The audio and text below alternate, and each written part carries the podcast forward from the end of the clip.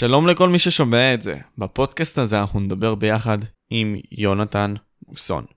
יונתן הוא בעל הערוץ יונתן מוסון באנגלית, ומנהיג התנועה של הימין הקיצוני, דבר חשוב לציין, ולשעבר בנוער זהות. בפודקאסט הזה דיברנו על עניין הערבים בישראל, נשקים בארץ ישראל, בן גוריון, ולסיום, האם צריך לתת לאזרח ערבי נשק. אז זהו, זה בעיקרון חברים. תעקבו אחרי הפודקאסט בכל הרשתות החברתיות. תודה רבה שאתם צופים, ובואו נתחיל.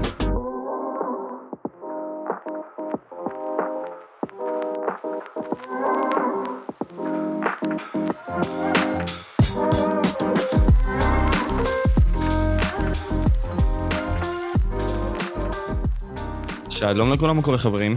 כאן איתכם וויטוק פודקאסט, והיום אנחנו בסרטון נוסף, בפודקאסט נוסף, וכפי שאתם יודעים, אני מנסה עכשיו לבוא ולהעלות את הקצב, כי בסופו של יום לא העליתי הרבה מאוד זמן פודקאסטים עם אנשים, אז בואו נתחיל. האורח שלנו להיום הוא יונתן מוסון. דבר ראשון, אני אבוא ואגיד שליונתן יש ערוץ ביוטיוב, שאני אבוא ואתן את הליק בתיאור, ערוץ מאוד טוב.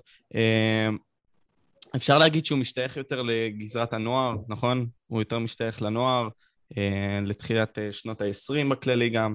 אה, מדבר על הרבה מאוד נושאים פוליטיים, חלקם גם אידיאולוגיים, ובכללי פשוט זה ערוץ עם הרבה מאוד גם הומור תוך כדי, משהו שטיפה חשוב גם בכל העניין הפוליטי. אז קודם כל, יונתן, אתה רוצה לבוא ולהוסיף משהו?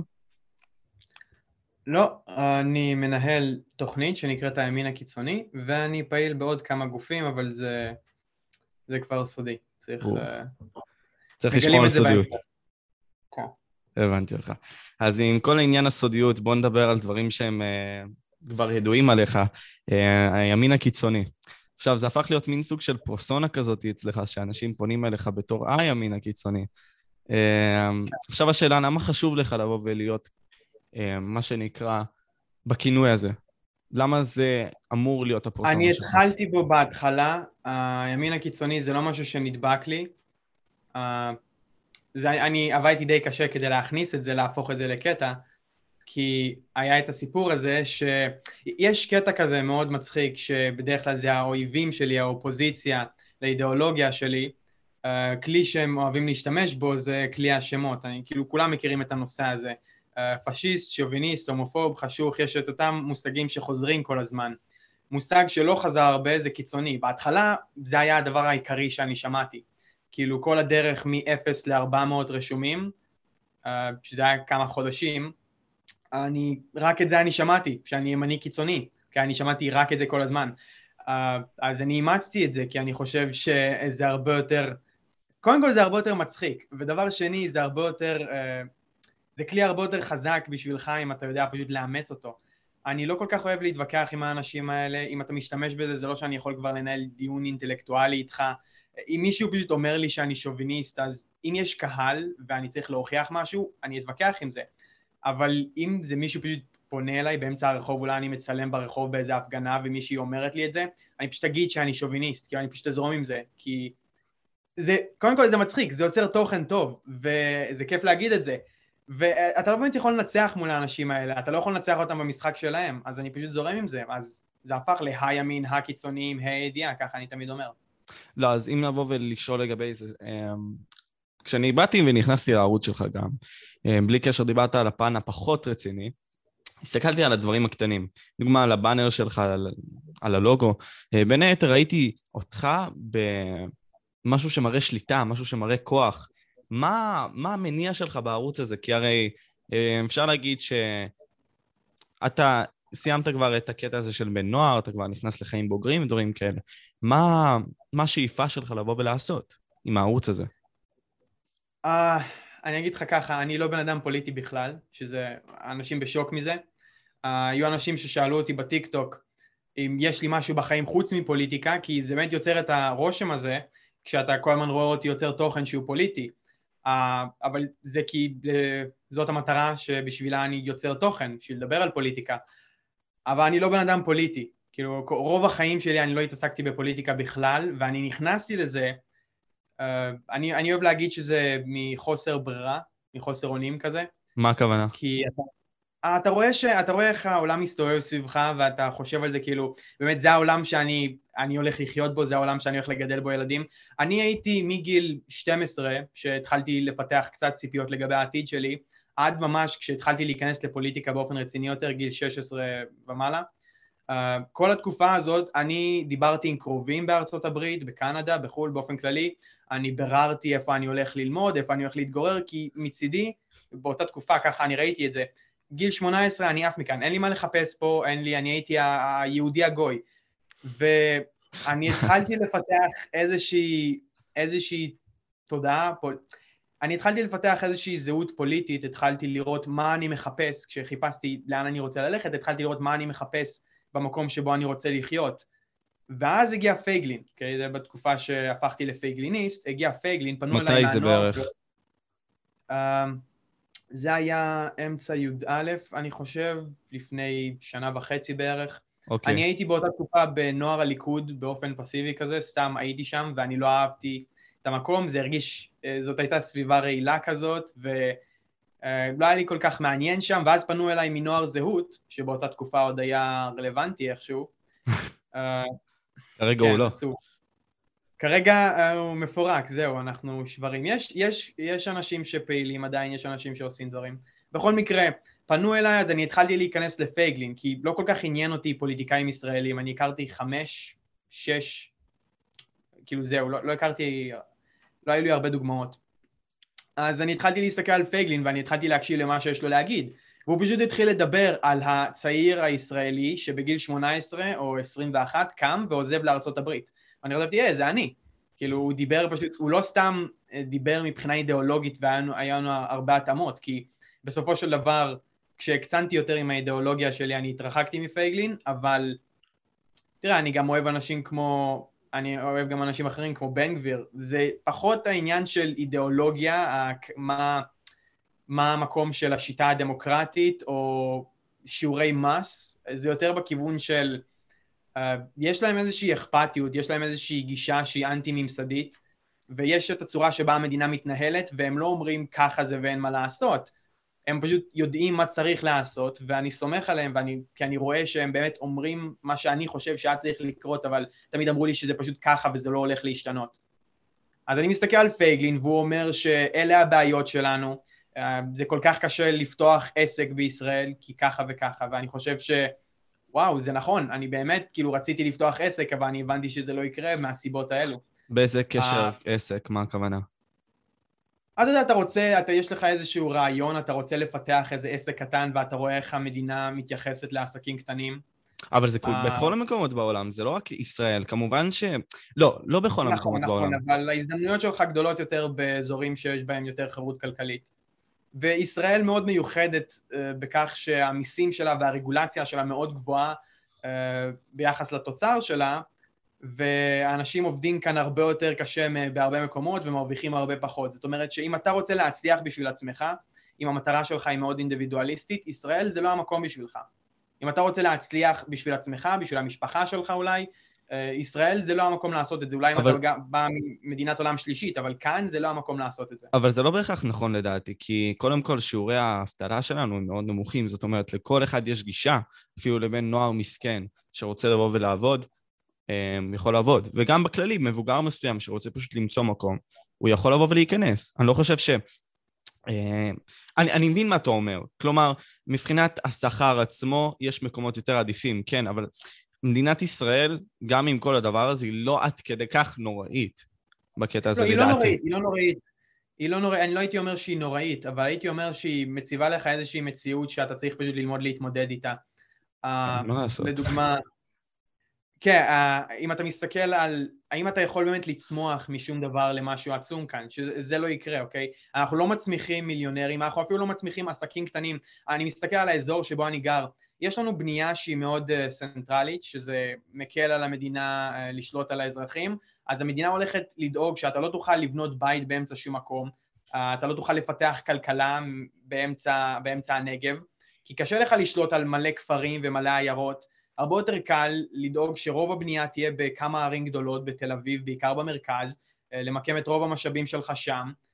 ותקשיב, אני מצידי הייתי הולך והייתי, אתה יודע, הייתי, הייתי בונה איזה, מרכיב איזה חווה קטנה באמצע הנגב, והייתי מוכר חלב, אוקיי? אבל אני אוהב לתת את הדוגמה הזאת, כי אני לא יכול למכור חלב, כי המדינה תדאג שהמדינה יכולה לתבע אותי אם אני אנסה למכור חלב, אתה יודע, זה לא חוקי. אה, יש את כל הסיפור של מועצת החלב, אוקיי? יש גופים שיש להם אינטרסים מסוימים, והם עוקצים את המדינה בתור שלהם, אז כשלכולם יש את כל ה... לכל גוף יש את הנקודה שלו שהוא אוכל ממנה, אני האזרח הפשוט, בחור צעיר שנולד, שלא היה כאן בתקופה שהיה אפשר לעקוץ, אני איחרתי, גנבו כבר את כל מה שהיה לגנוב, אז אני כאן ואני מסתכל, אין לי פה שום דבר לחפש. אני יכול לעבוד במקדונלדס ולעשות תואר, אבל אני הולך להילחם על כל פירור שאני אקבל. אבל אם לבוא ולהגיד בקטע הספציפי הזה, אה, מבחינת המדינה אתה כן צודק, אמנם אתה פספסת את ה-first movers advantage, מה שנקרא, ואיחרת את המועד לבוא ולהיות הראשון. לתפוס את הקרקעות, לתפוס את המקומות, ברור. אבל העידן הטכנולוגי, מנגד לכך, נותן לך את האפשרות לבוא ולהיות first mover בהרבה מאוד דברים. אה, אתה... זה משהו שאנחנו, זה משהו שאנחנו נבנינו עליו, סוג של בתור start-up nation. אתה לא משאיר הרבה מאוד, ואנחנו מכוונים צעירים בעיקר דרך הצבא לעשות את זה, זה כי אנחנו כל הזמן מעודדים אנשים להיכנס, להיכנס לתחום הזה, כי המדינה סוג של מעלימה את העבודות הפשוטות יותר, uh, וזה יותר המדיניות של בנימין נתניהו, uh, הוא ניאו-ליברל, וזה הכיוון שלו, הוא לא רוצה שאנשים יעבדו במפעל, הוא רוצה שהם יעבדו בהייטק. יש בזה היגיון מסוים, אבל כשהמדינה קובעת מה מתאים לה ולא אתה קובע מה מתאים לך, זה מגביל אותך בהרבה צורות. Uh, אני, אני בן אדם ש... אני בן אדם עם סגנון חיים ממש ממש פשוט כזה, אני רוצה לחיות ב, באמצע היער, אני רוצה לחיות באמצע שום מקום עם כמה אנשים שאני מכיר. Uh, אני לא אוהב את העיר הגדולה, אני לא אוהב סביבות גדולות עם הרבה מאוד אנשים. אני רוצה לחיות עם עצמי, עם המשפחה שלי. אני בן אדם שנהנה ממשחק קופסה עם המשפחה שלו, זה פשוט, זה הסגנון שלי. והמדינה וה, בישראל היא כל כך מנופחת, אנחנו פשוט גוש של בירוקרטיה. אין באמת מקום לאינדיבידואל בישראל, אין מקום לך, יש מקום לנו, ואתה צריך לשנות את עצמך יותר מדי הייתי אומר, והרבה אנשים עוזבים, זה כאילו זה לא משהו שאני המצאתי או התחלתי, זה היה טרנד הרבה לפניי. אבל אני חושב ש... אנשים עוזבים לחפש עבודה. אבל אני חושב שזה גם מגיע מהרבה מאוד סיבות אחרות שאנחנו לא נכנסנו אליהן, כמו העניין הזה של, אה, אם ניקח את ארצות הברית, אה, ההתחברות לדגל, לסמל, לעניין של המדינה, הוא יותר גדול אצלם מאשר הרבה מאוד מבני הנוער אצלנו במדינה. זאת אומרת, אם אתה מסתכל על בני הנוער, אה, וגם בכללי, העולם, העולם המבוגרים, הם פחות מתחברים לסמל, הם פחות מתחברים למנהיגים שהיו, הם פחות באים... אתה אומר. שבישראל פחות מתחברים או בארצות כן, הברית? כן, בישראל. בארצות הברית זה... אתה לא תלך למקום שלדעתי לא ידעו מי היו חמשת אה, ראשי הממשלה, לפני, אה, הנשיאים לפני, סליחה. אוקיי, okay, אה, בהחלט יש, אני חושב שהחינוך הישראלי מהבחינה הזאת מפיץ תעמולה יותר טוב, ככה אני הייתי קורא לזה, אבל... מה הכוונה? מפיץ תעמולה יותר טוב? שנייה, אתה מתכוון שישראל יש לה יותר רוח לאומית, או לארצות לא, הברית אני, יש יותר אני רוח? דיברתי על זה שלארצות הברית יש יותר רוח לאומית, ומהסיבה הזאת שיש הרבה מאוד סיבות למה ישראל היא בעייתית מהבחינה הזאת שדיברת עליה, אה, מזה שאין אינדיבידואליזם מסוים, שהמדינה לוקחת על עצמה כל כך הרבה. זה דבר ראשון הוואי של המדינה. נגיד סתם אצל ארה"ב, אם אנחנו ניקח את המעצמה שנחשבת להכי טובה בעולם, אה, אפשר לבוא ולהגיד סין, אבל נגיד וארצות הברית, יש לה את הרוח הליברליסטית הזאת, שאתה יכול לבוא ולעשות מה שאתה רוצה. אה, יש לה את הכמות מיליונרים הכי גדולה בעולם. גם בנוסף לכל, אם אנחנו נבוא ונסתכל על כל העניין הזה, הם מעודדים את זה. הם מעודדים שתבוא ותהיה עצמאי, הם מעודדים שאתה תבוא ותהיה שונה. ב- בישראל זה הוואי טיפה שונה, ובכל מדינה זה הוואי טיפה שונה. אז אני לא, כאילו, זה גם מה שאתה אומר מבחינת ההגבלות עצמם. אתה יודע, ניקח את החרדים בדוגמה. הם מרגישים חופשיים בקטע הזה. הם מרגישים שעם כל ההגבלות האלה הם כן חופשיים לכל דבר. אני חושב שפשוט זה לא זה, אני חושב שזה משהו אחר, מעבר לזה. החרדים מרגישים חופשיים בגלל ש... אה, הם, מהמגזרים, מהקבוצות שעקצו בתקופה שהיה להם זמן לעקוץ, והם הספיקו לעקוץ, אז הם מרגישים בנוח. אה, בדומה לאיכרים, אה, אני מניח לא כרגע, עכשיו הם לא אוהבים את הצורה שבה המדינה מתנהלת, אבל כן. בתקופה מסוימת היה להם פשוט נוח, היה להם קל, כי הכל היה מסודר, הם לא היו צריכים להילחם, היה... המדינה התערבה בשוק מסוים בנושא מסוים, והם היו אלה שמרוויחים מזה, אז הם היו סבבה. מתי בדיוק? והמגזר... אתה... על מה אתה מדבר? אתה דיברת על עניין העיקרים ואמרת שהיה להם הכל מוכן, הכל אה, מסודר וכל הדברים האלה, והם הרוויחו מזה. המדינה התערבה, בעצם הרעיון היה שהעיקרים, מעבר לסתם אוכל, כי זה לא שכזה דחוף לנו שיהיו עגבניות ברגע שאנחנו נרצה, יש הרבה מאוד דרכים שבהם אפשר לחנוק את ישראל, אז כאילו אם טורקיה תמנע מאיתנו עגבניות זה לא יהיה סוף העולם. העניין הוא שחקלאים, וזה משהו שהם אוהבים להגיד, בצדק, במידה מסוימת, הם מחזיקים אדמות, הם מחזיקים אדמות שאחר כך אנשים אחרים לא יכולים ליישב, אה, מיעוטים במדינה. Uh, יש בזה כמה בעיות, הראשונה היא שהמדינה יצרה את המצב הזה שבו אנחנו לא יכולים ליישב את האדמות האלה. כי שוב פעם, אני לא יכול ללכת לאמצע הנגב ובהצלחה לך, uh, זה סיוט פשוט ללכת ולהפריח את השממה, כי המדינה פשוט לא אוהבת את זה, קשה יותר לשלוט באנשים ככה, אז הסידור הזה שהיה לה עם החקלאים, שהיא מספקת להם את, ה, היא מספקת להם את, ה, את ההכנסות, היא בפוליסות פרוטקציוניסטיות, היא מונעת uh, התיישבות, והיא בעצם נותנת לגיטימציה לדבר הזה. הם פשוט ראו הזדמנות, הם ראו שיש כאן איזשהו חלון, שזה פשוט בירוקרטיה על גבי בירוקרטיה, זה אין לך באמת סיבה למה, זה פשוט מישהו דואג למישהו ויש כל מיני בעיות, ואז אתה פשוט משתחל, נכנס בהזדמנות שלך. הם הספיקו לעשות את זה. אבל זה עבר ב... דבר ראשון, אני רוצה פשוט לבוא ולסיים עם הנקודה הזאת ולעבור לנקודות אחרות, אה, כי דיברנו גם על הנגב. אה, אני חושב שגם העניין הזה ספציפית, מבחינת כל העניין הזה שהם באו ובסופו של דבר קיבלו את מה שהם קיבלו, את האדמות שלהם וכו', דבר ראשון, זה לא... ב... גם הימי, הימים של סוף המאה ה-19, זה עבודה קשה לבוא ולבנות את כל הדברים הללו, אתה יודע. אה, גם בתחילת המאה ה-20 זה היה קשה לבוא ולבנות את כל זה, כל עניין החלוצים והכל. אני לא חושב שזה בהכרח הייתה עבודה קלה כזאת, כמו שאנחנו באמת מתאר... תיארנו את זה עכשיו. זה לא באמת הייתה עבודה קלה. יש הבדל בין עבודה, זה לא שזאת הייתה עבודה קלה, שום עבודה היא לא קלה, אבל העניין הוא, אני יכול לצאת אני... החוצה ולחפור בור, אני יכול לצאת החוצה, לקחת כפית קטנה, כפית של מילקי, ולחפור בור במשך חודשים, שנים אפילו, וזאת תהיה עבודה מאוד קשה. השאלה היא האם זה טוב למישהו, אם המדינה תיקח ממך מיסים ואז תשלם לי על זה שאני חופר בור, uh, אני מצאתי לעצמי משהו נפלא, אני לא צריך ליצור באמת משהו, אני חופר בור, זאת הייתה עבודה קשה, אבל אתה בחיים לא היית משלם לי בעצמך, המדינה עקצה אותך ונתנה לי משהו, למרות שעבדתי קשה. Uh, עכשיו, כש... זה נכון שהמדינה עושה דברים אחרים שמקשים על האיכרים במידה מסוימת, כמו uh, שכר מינימום יחסית גבוה שמקשה עליהם ביחס למדינות אחרות שמתחרות בהם, אז הם צריכים לשלם לאיזה תאילנדי אחד הרבה כסף, זה נכון.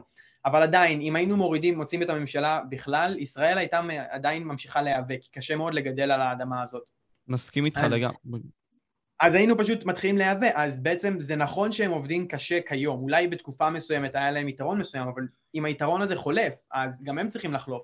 אתה יודע, אם אתה פותח מכולת, ובתקופה מסוימת המכולת שלך עוזרת, אז היא עוזרת, אבל אם היא מפסיקה לעזור ואנשים הולכים לסופר במקום, זה הזמן שלך ללכת. אבל uh, פה אתה מדבר על יצרנים, זה לא שעכשיו, מן הסתם יש לנו. אנחנו יכולים לבוא ולהחליף אותם עוד פעם, אבל uh, אני חושב שהנושא הזה בקטע הספציפי הזה הוא טיפה, טיפה בעייתי, כי עוד פעם אנחנו מדברים על יצרנים, אנחנו לא מדברים עכשיו על אנשים שפשוט... Uh, זה גם שוק מסוים, עוד פעם, זה, זה דברים שאני לא, לא אישית מסכים איתך לגבי זה, לדעתי. זה, זה לא דבר נכון לבוא ולהגיד ש... הם צריכים לבוא ולחלוף כל עניין החקלאים. סבבה, אני מבין את העניין הזה שהם אה, יקרניים. נגיד סתם אני בתור אה, מישהו שמתאמן, אה, בא ורוצה לקנות אבוקדו, והוא עולה לי 35 שקל לקילוגרם או 40, אני אומר לעצמי, וואו, זה, זה מוגזם, כן, אני מבין מה אתה אומר, אבל אני חושב שאין גם מספיק תמיכה בקטע הספציפי הזה של המדינה, ובזה כן אני יכול להסכים איתך. טוב, אני אשמח לבוא ולעבור לנושא אחר ברשותך, זה בסדר? כן, חשוב לעבור לנושא אחר, אתה התחלת, הזכרת אבוקדו ואני הבנתי שאנחנו מדברים כאן על אננסים. אה, אני לא יודע אם אתה מכיר, יודע את זה, אני, אני בדרך כלל יורד על, אה, על אנשים שמתרכזים בזה, זה כאילו, זה קטע כזה שאנחנו אומרים שאנשים ש... קפיטליסטים כביכול, אבל אלה שמעניין אותם, שזה כאילו הדבר שהם קיימים בשבילו, שזה כל מה שהם התלוננו עליו, כי הוא לא משנה מה קורה במדינה, הם אומרים, אבל תראה את מחירי האננס, איזה הזוי זה. זה... אה, אנחנו בדרך כלל יורדים על אנשים שלא יכולים לדבר על שום דבר מעבר לזה, אנחנו קוראים להם אלפחורסים. בגלל גלעד אלפר, אנחנו יורדים עליו הרבה. אין על גלעד אלפר. יש נושאים יותר חשובים מהחקלאים, יש נושאים יותר חשובים. נכון, ונשמח לבוא ולעבור לעניין יותר אידיאולוגי אצלך. אה, אתה מגדיר את עצמך, כפי שאמרנו, כמישהו שהוא ימין, ימין קיצוני, אה, אבל מה שאני שם לב, ותתקן אותי אם אני טועה, אתה פחות מדבר על עניין הערבים בישראל. והשאלה שלי כזאת, למה אתה פחות נוגע בהם בנושא הזה של הערבים בארץ? אני פחות נוגע בהם כי אני חושב שהשאלה היא קודם כל, מה...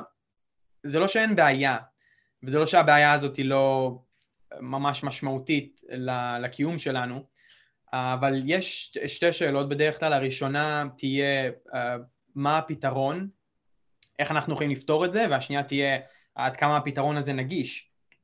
הפתרון... ומעבר לזה, יש את כל הרעיון של... אה, אני, אני אשמח לחדד את זה, סליחה שאני מפריע לך, יונתן. הפתרון כן. אה, בבעיית אה, ערביי ישראל והיהודים, נכון? כן. אוקיי. הפתר, הפתרון לבעיה הדמוגרפית, בעצם אוקיי. זה מה שזה יהיה. אז יש את החלק הדומרי, אוקיי? שזה מאוחר מדי, אנחנו לא יכולים לתקן את זה. אנחנו כולנו הולכים למות, אנחנו, הטוב שאנחנו יכולים לעשות זה לברוח ולהתבולל, אוקיי? ללכת להתבולל באירופה, או... אירופה גם הולכת למות, אז... אה, כולנו הולכים למות. אני אפילו לא יודע לאן. אני לא יודע לאן אפשר לברוח, אתה מבין? זה, פעם היה את הקטע הזה שאומרים שכאילו, מי שהיה להם מזל זה אלה שברחו לארצות הברית, כי עכשיו ארצות הברית קורסת, לאן אתה אמור לברוח? זה כאילו נגמרו לך, נגמרו לך האופציות.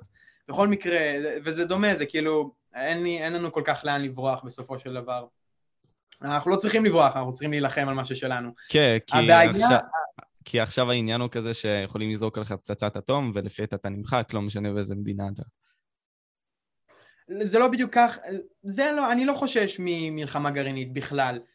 Uh, אני חושב שלרוב ה... לכל המדינות יש אה, היגיון בריא מספיק. בדרך כלל כשאתה משתמש בפצצת אטום זה רק כדי ליצור איזושהי הרתעה.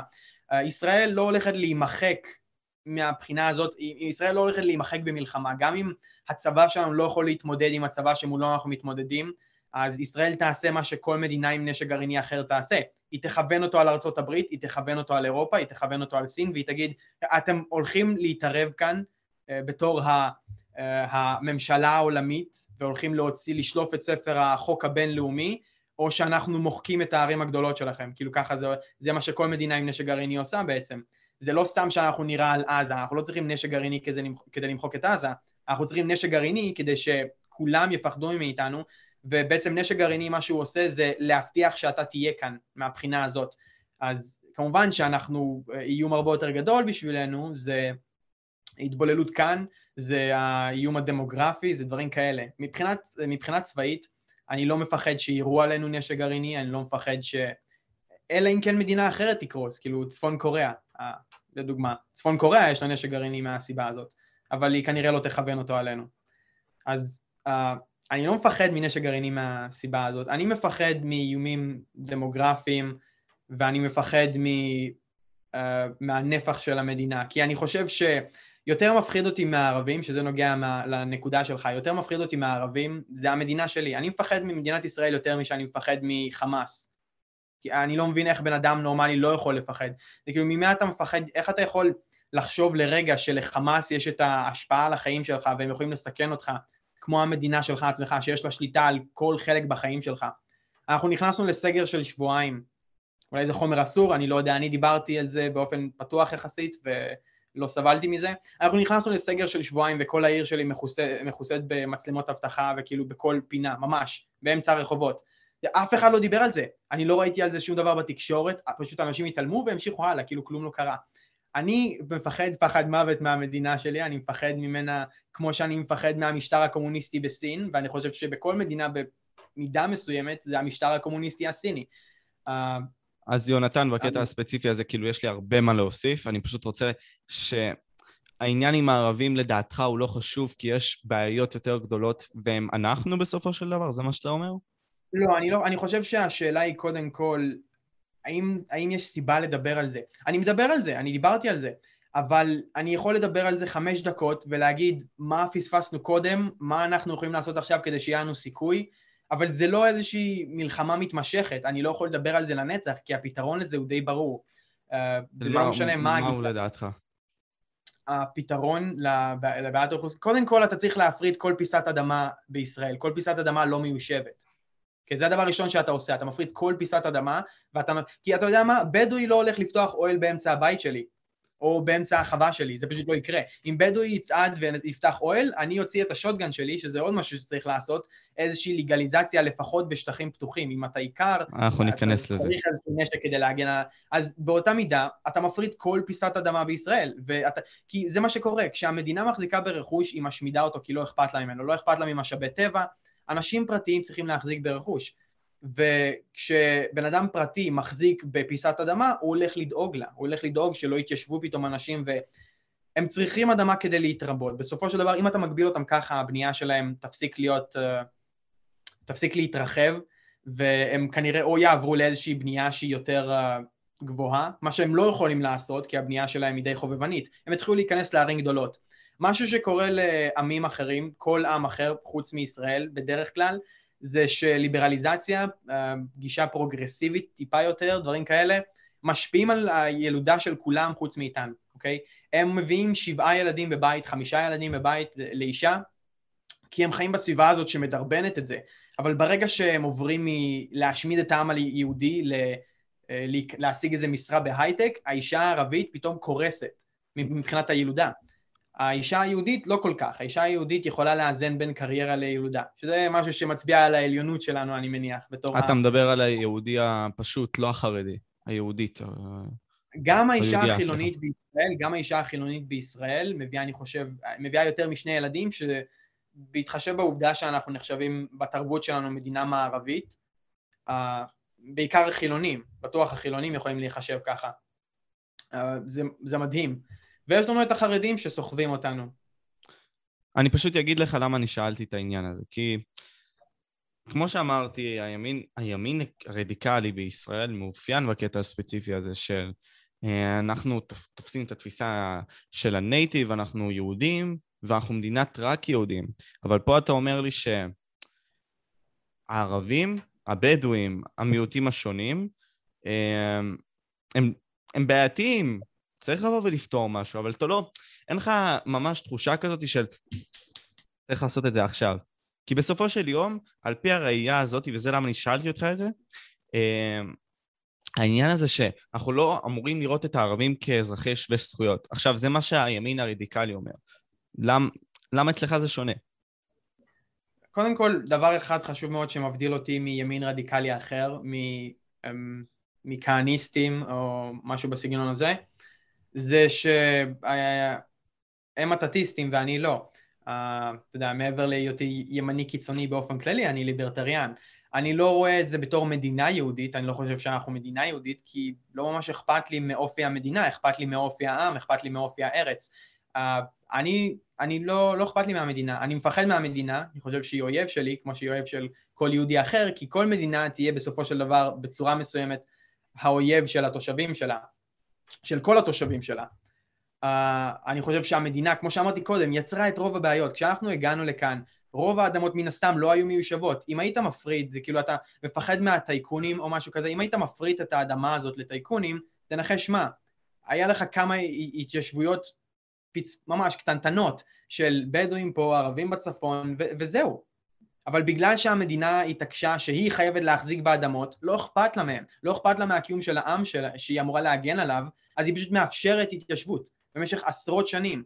היא מאפשרת להם לחיות, היא מאפשרת להם, היא מאפשרת להם כל דבר מפחיד שאתה יכול לחשוב עליו. כאילו, הם מחזיקים נשק באופן חופשי, היא מפחדת לאכוף את החוק. היה לא מזמן את הסיפור הזה שהמשטרה פשוט נתנה להם כביש, סגרה חוזה עם איזה אה, משפ... משפחת פשע בדואית, זה כאילו, זה הזוי. איך אני אמור להרגיש בטוח? אתה יודע, כל הקטע הזה שאומרים שהדבר הכי בסיסי שאתה מקבל בתמורה למיסים שלך אתה מקבל איזשהו שירות. אני לא אוהב את השירות שאני מקבל.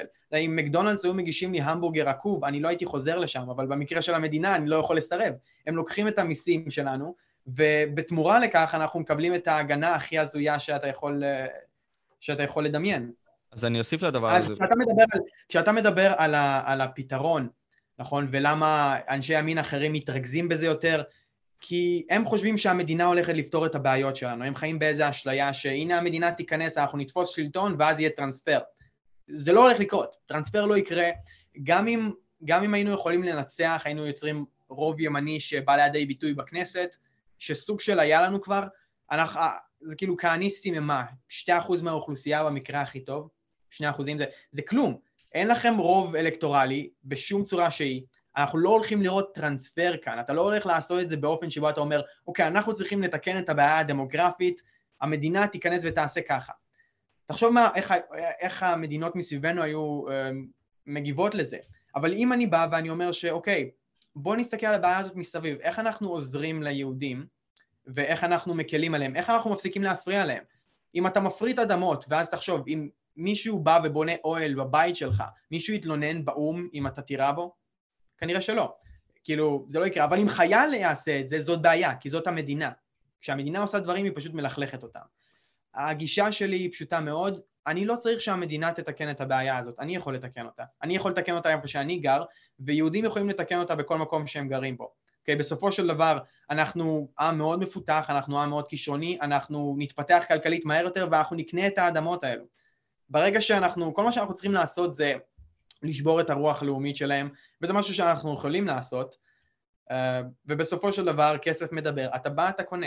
כי ברגע שיש לך, אין להם, אין להם איפה לגור, אין להם איפה לחיות, כי כל האדמות כבר מופרטות ונמצאות בידיים פרטיות, ועכשיו יש סכנה ממשית להתיישבות הזאת, כי אתה לא יכול פשוט להתיישב באדמה פרטית של מישהו, ובלי לצפות לתגובה, כמו שאנחנו רואים מהמדינה. Uh, ברגע שאתה חי במציאות הזאת, אז אתה אשכרה יכול לטפל בה. כרגע, אני לא רואה סיבה לדבר על זה. אני דיברתי על זה שאנחנו צריכים, uh, אתה יודע, אני לא מסכים עם פייגלין כל כך על האופן שבו זה נעשה בהכרח, אבל כן, אני מסכים שאנחנו צריכים להכיל ריבונות בעזה, אני מסכים שאנחנו צריכים להכיל ריבונות מלאה בכל האזורים האלו, ובמצב הזה אתה מספק להם זכויות קניין בסיסיות, שזה מה שאני מאמין שמגיע לכל בן אדם באשר הוא. אז אתם רוצים, אתם יכולים לקום ולעזוב, והרבה מהם חיים על, הם חיים בעוני שאתה לא יכול לדמיין, והרבה מהם פשוט מפחדים לדבר, ירצחו אותם אם הם ירימו גבה. על מי אתה, אתה מדבר פה? אני מדבר כאן uh, עזה, יהודה ושומרון. אוקיי. אה, גם אנשים, גם אנשים מסוימים בכפרים בישראל, כי שוב פעם, החוק הישראלי לא חל כאן, זה לא סתם שהם מחזיקים נשק או עושים מה שבא להם, אה, ואתה יודע, מבריינים אנשים, זה שאישה בבית ערבי לא יכולה להרים את הקול שלה, היא לא יכולה לקום ולעזוב, ירצחו אותה. אתה, אתה חייב לספק לאנשים האלה את ההגנה הבסיסית הזאת, שזה התפקיד של המדינה כביכול, זה למה אנחנו משלמים מיסים.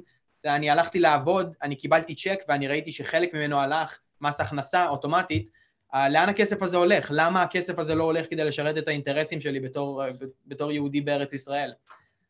אז אתה שואל למה. אה, אני לא חושב שהפתרון הזה שכל הזמן חופרים עליו, שזה תמיד יהיה טרנספר בסופו של דבר, זה לא משהו שאנחנו יכולים לדבר עליו, כי זה אפילו לא יקרה.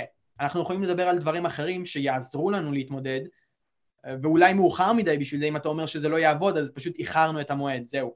אבל כל הפתרונות באופן, לנסות לפתור את זה באופן ישיר, לקחת, להרים ולהזיז אותם, זה לא הולך לקרות.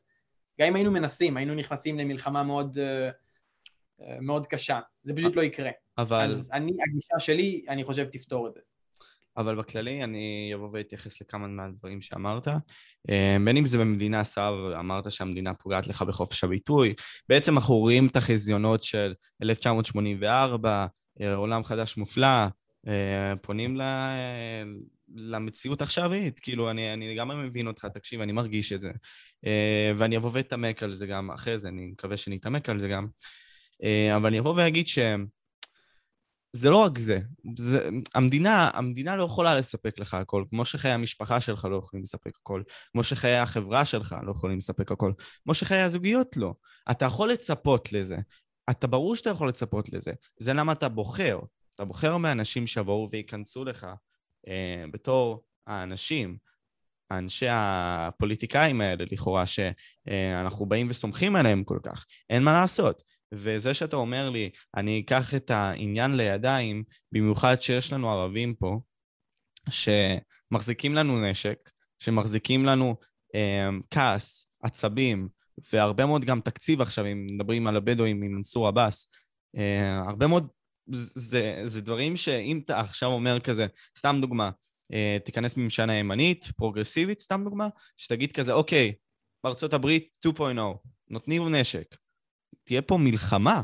כאילו, מלחמת אזרחים, לדעתי, גדולה, ענקית. מה אתה חושב לגבי זה?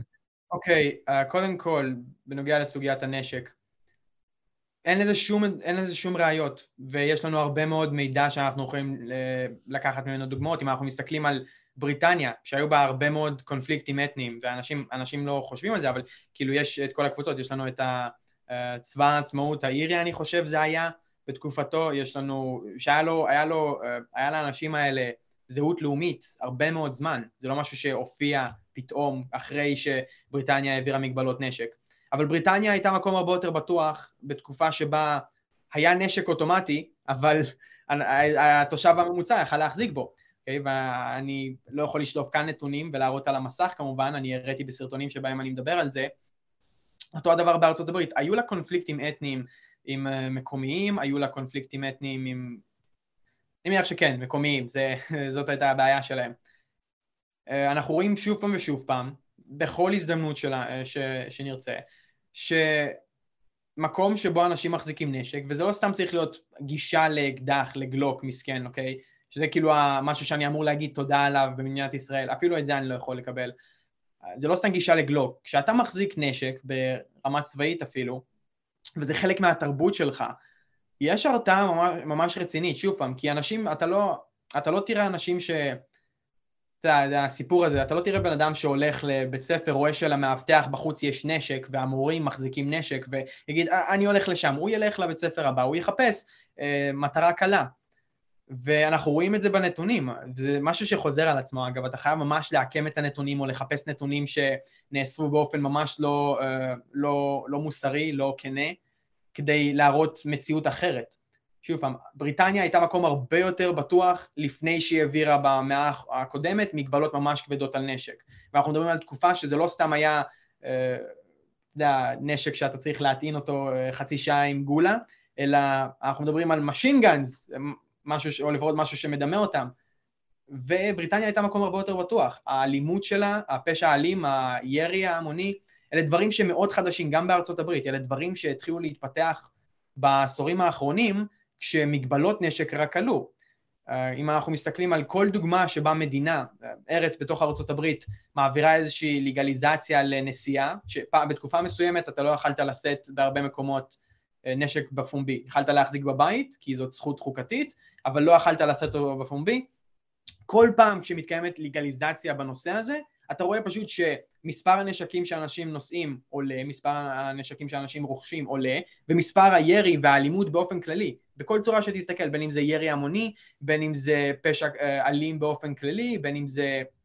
כל הדברים האלה פשוט צונחים. Okay? אוקיי? וכאילו אני, אני קורא לזה ה-X, אוקיי? Okay? כי זה תמיד ככה, אחד עולה, אחד יורד. Uh, אני מתווכח על זה כל כך הרבה זמן, ואני אף פעם לא, לא ראיתי הזדמנות שמפריחה את התפיסה הזאת. אני חושב שמה שקורה כרגע, זה די מוכיח את זה. תסתכל, לאוכלוסיות שאנחנו מדברים עליהן זה אנשים שחיים, תחשוב, אנשים שחיים בכפר, אין להם שום מטרה חומרית, הם לא רואים נטפליקס כל היום, הם רק חושבים על להרוג יהודים, כי גם בגלל שהמציאות הכלכלית שלהם היא כזאת, הם לא יכולים, אין להם שום דבר שהם יכולים להעריך, אז הם חייבים להידרדר לעמות, לרמה הזאת. אם אני הייתי חי בתנאים כאלה, גם אני הייתי מידרדר לשם, כנראה. אז הם חיים שם, יש להם גישה לנשק. לי יש גישה לנשק במידה הזאת, ולהם יש הרבה יותר נשק לגשת אליו. לי, כשהייתי צעיר יותר, אני זוכר שהיה את הסיפור הזה שידיד שלי אה, סיפר לי באופן, אתה יודע, casual כזה, אה, שהציעו לו לקנות עם כמה חברים, לאסוף יחד כסף ולקנות אקדח, אוקיי? Okay? ואני גם, אה, יש הרבה מקרים כאלה שאתה יכול לראות, זה יהיה מאוד יקר, אוקיי? Okay? וזה מאוד מסוכן. אני חושב שהוא דיבר על 20 אלף שקל שהם היו צריכים לארגן, הם, הם נבהלו בסוף ולא עשו את זה. אבל תחשוב ש...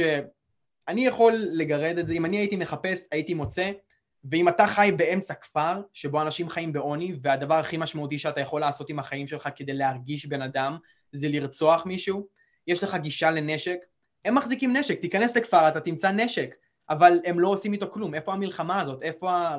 עזוב מלחמה, לי אין נשק, הם יכולים פשוט לבוא לבית שלי ולרצוח אותי, למה הם לא עושים את זה? והסיבה לכך היא שקודם כל, עם כמה שיש להרבה מאוד מהם עניין, הם עדיין במידה מסוימת מעריכים את החיים שלהם, יש איזושהי הרתעה.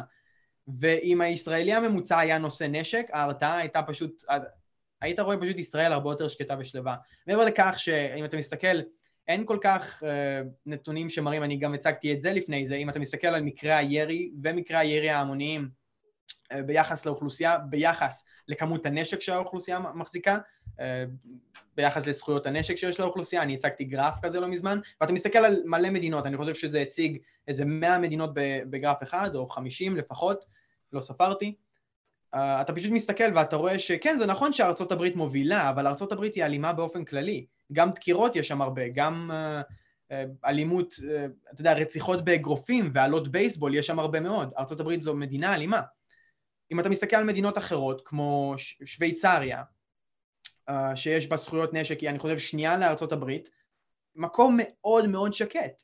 אתה רואה שם אנשים פשוט מסתובבים, שותים אלכוהול במטווח, וזה פשוט סוג שונה של אנשים, ויש להם יותר מחלות נפשיות שמקושרות לירי המוני ולפשיעה אלימה, מאשר ישראל אפילו. אבל אז... לגבי שווייץ, סליחה שאני קוטע אותך, לגבי שווייץ, היא מאז ומעולם הייתה מדינה ניטרלית, אני לא חושב שהעניין הזה של שליטה בנשק פה כאילו הופכת אותה ליותר... אה, לא, נגיד... אני לא אומר את זה, אני רק מדבר על זה שאני לא חושב ש... אה, אני לא חושב שיש קשר ישיר בין uh, זכויות נשק, בין הגישה לנשק, לבין איזושהי עלייה, מגמה של, מגמה צומחת של אלימות. אני לא חושב שברגע שאני אחזיק אני, אני נותן דוגמאות קיצוניות, קודם כל שוב כמו שאמרתי, זה כיף וזה מעביר את הטענה שלי אפילו יותר חזק. אני לא הולך להגיד אקדח, אני אפילו לא אגיד נשק חצי אוטומטי, אני תמיד משתמש בדוגמה הזאת, טנק בחצר שלי. אם אני אחזיק טנק בחצר שלי, ישראל תהיה בטוחה יותר מאשר אם אני לא אחזיק טנק בחצר שלי. Uh, אם התושב הממוצע יחזיק טנק בחצר שלו, אם יש לו חצר אחורית להחזיק בטנק, ישראל תהיה בטוחה יותר. ואני לא הצלחתי למצוא, אני מתווכח על זה הרבה זמן, אנשים רוצים, תחשוב על זה ככה, הישראלי הממוצע מתעמולה, מהסביבה שבה הוא חי, לא אוהב נשק, לא אוהב את הרעיונות שאני מפיץ כאן.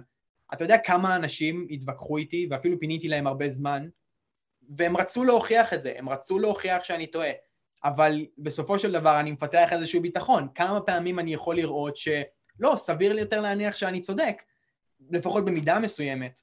בסופו של דבר אתה פשוט חושב שאתה יודע מה, אני, אין לי כוח לשטויות האלה, אני רוצה את הנשק שלי, איפה הוא נמצא, איפה אני, איפה הזכויות שלי. אני בכללי אבוא ואתן עכשיו נתונים לגבי זה, ברשותך, לגבי כל העניין אוקיי. הזה של הפרו, אה, פרו שליטה ונגד שליטה בנשק. אז קודם כל, אה, יש נתונים בארצות הברית, אם אנחנו ניקח את ארצות הברית, אה, שיותר שליטה בנשק גורמת לפחות התאבדויות. בין השנים 1999 כן, נכון. עד 2013. רוב מקרי המוות בארצות הברית בנשק הם התאבדויות, זה נכון. נכון. וזה משהו שמשפיע מאוד על, ה... על... על הנתונים האלה כשסופרים אותם. בדיוק, אז אני אבוא ואשלח את כל הדברים האלה, אה, אני פשוט מקריא את הכותרות פה בגדול. אין לי אה, בעיה, אני מכיר את הנתון הזה. כן, אני פשוט מקריא את זה לעצובים גם בכללי. אה, בכללי גם שליטה של נשקים שהם חוקיים, גורמים לכך שפחות פשוט אנשים שהם עבריינים יבואו ויגנבו אותם, ואחרי זה עבריינים גם ישתמשו בהם, שזה נכון. עוד עובדה מסוימת מ-2013. בכללי גם הרבה מאוד מהנשקים בהרבה מאוד מהמקרים, כאילו, מעט, לא, במעט מהמקרים משתמשים בהם להגנה עצמית. זאת אומרת, רק ב-0.79 אחוז אה, זה בא מהגנה עצמית. ואני אקריא עוד אחד.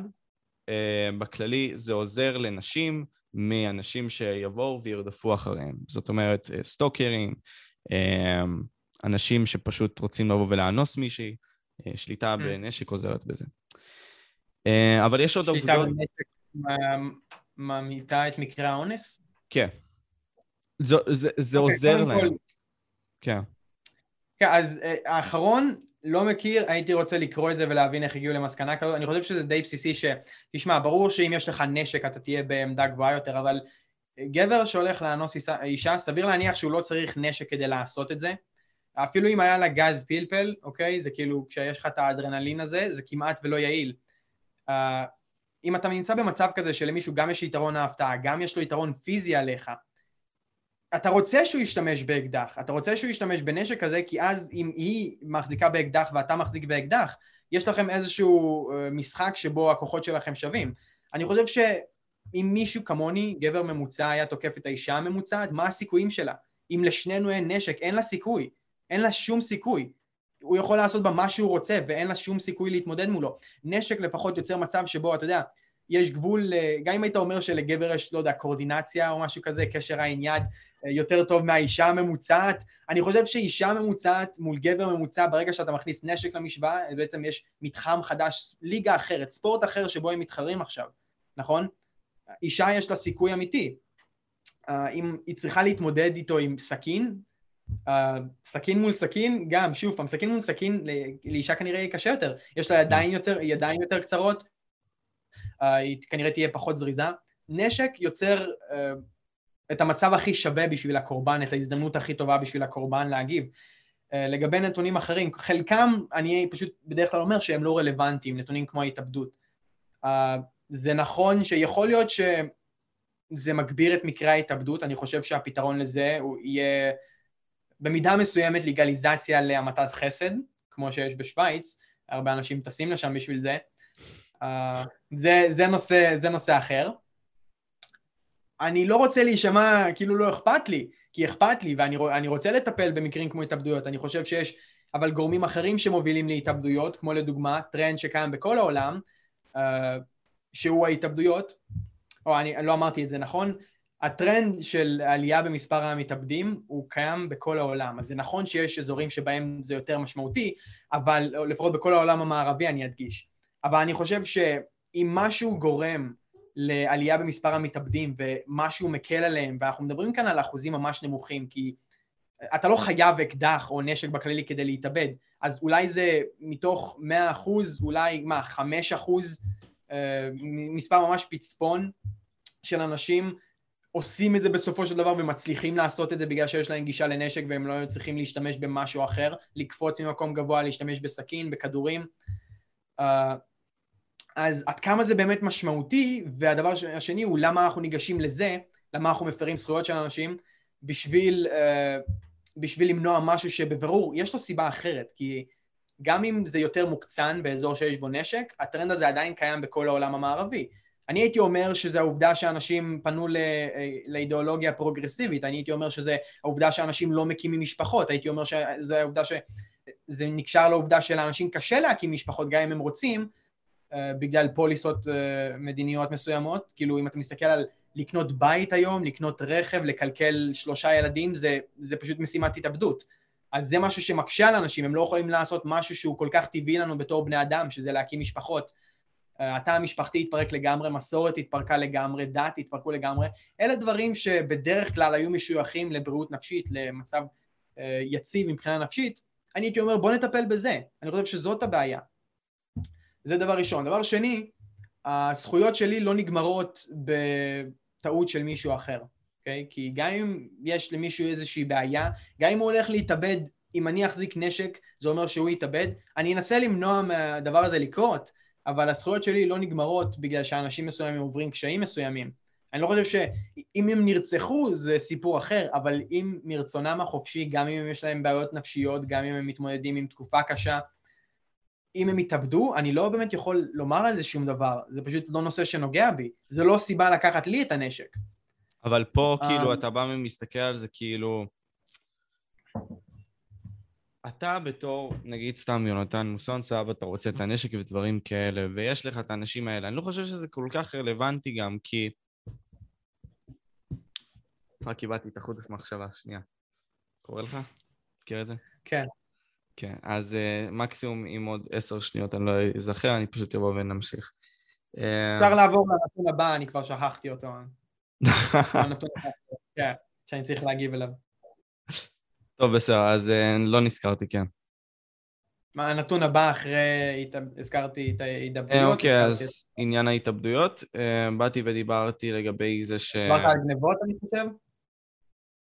לא, שנשקים הם בעצם גם באופן אה, די נדיר משתמשים בהם כהגנה עצמית.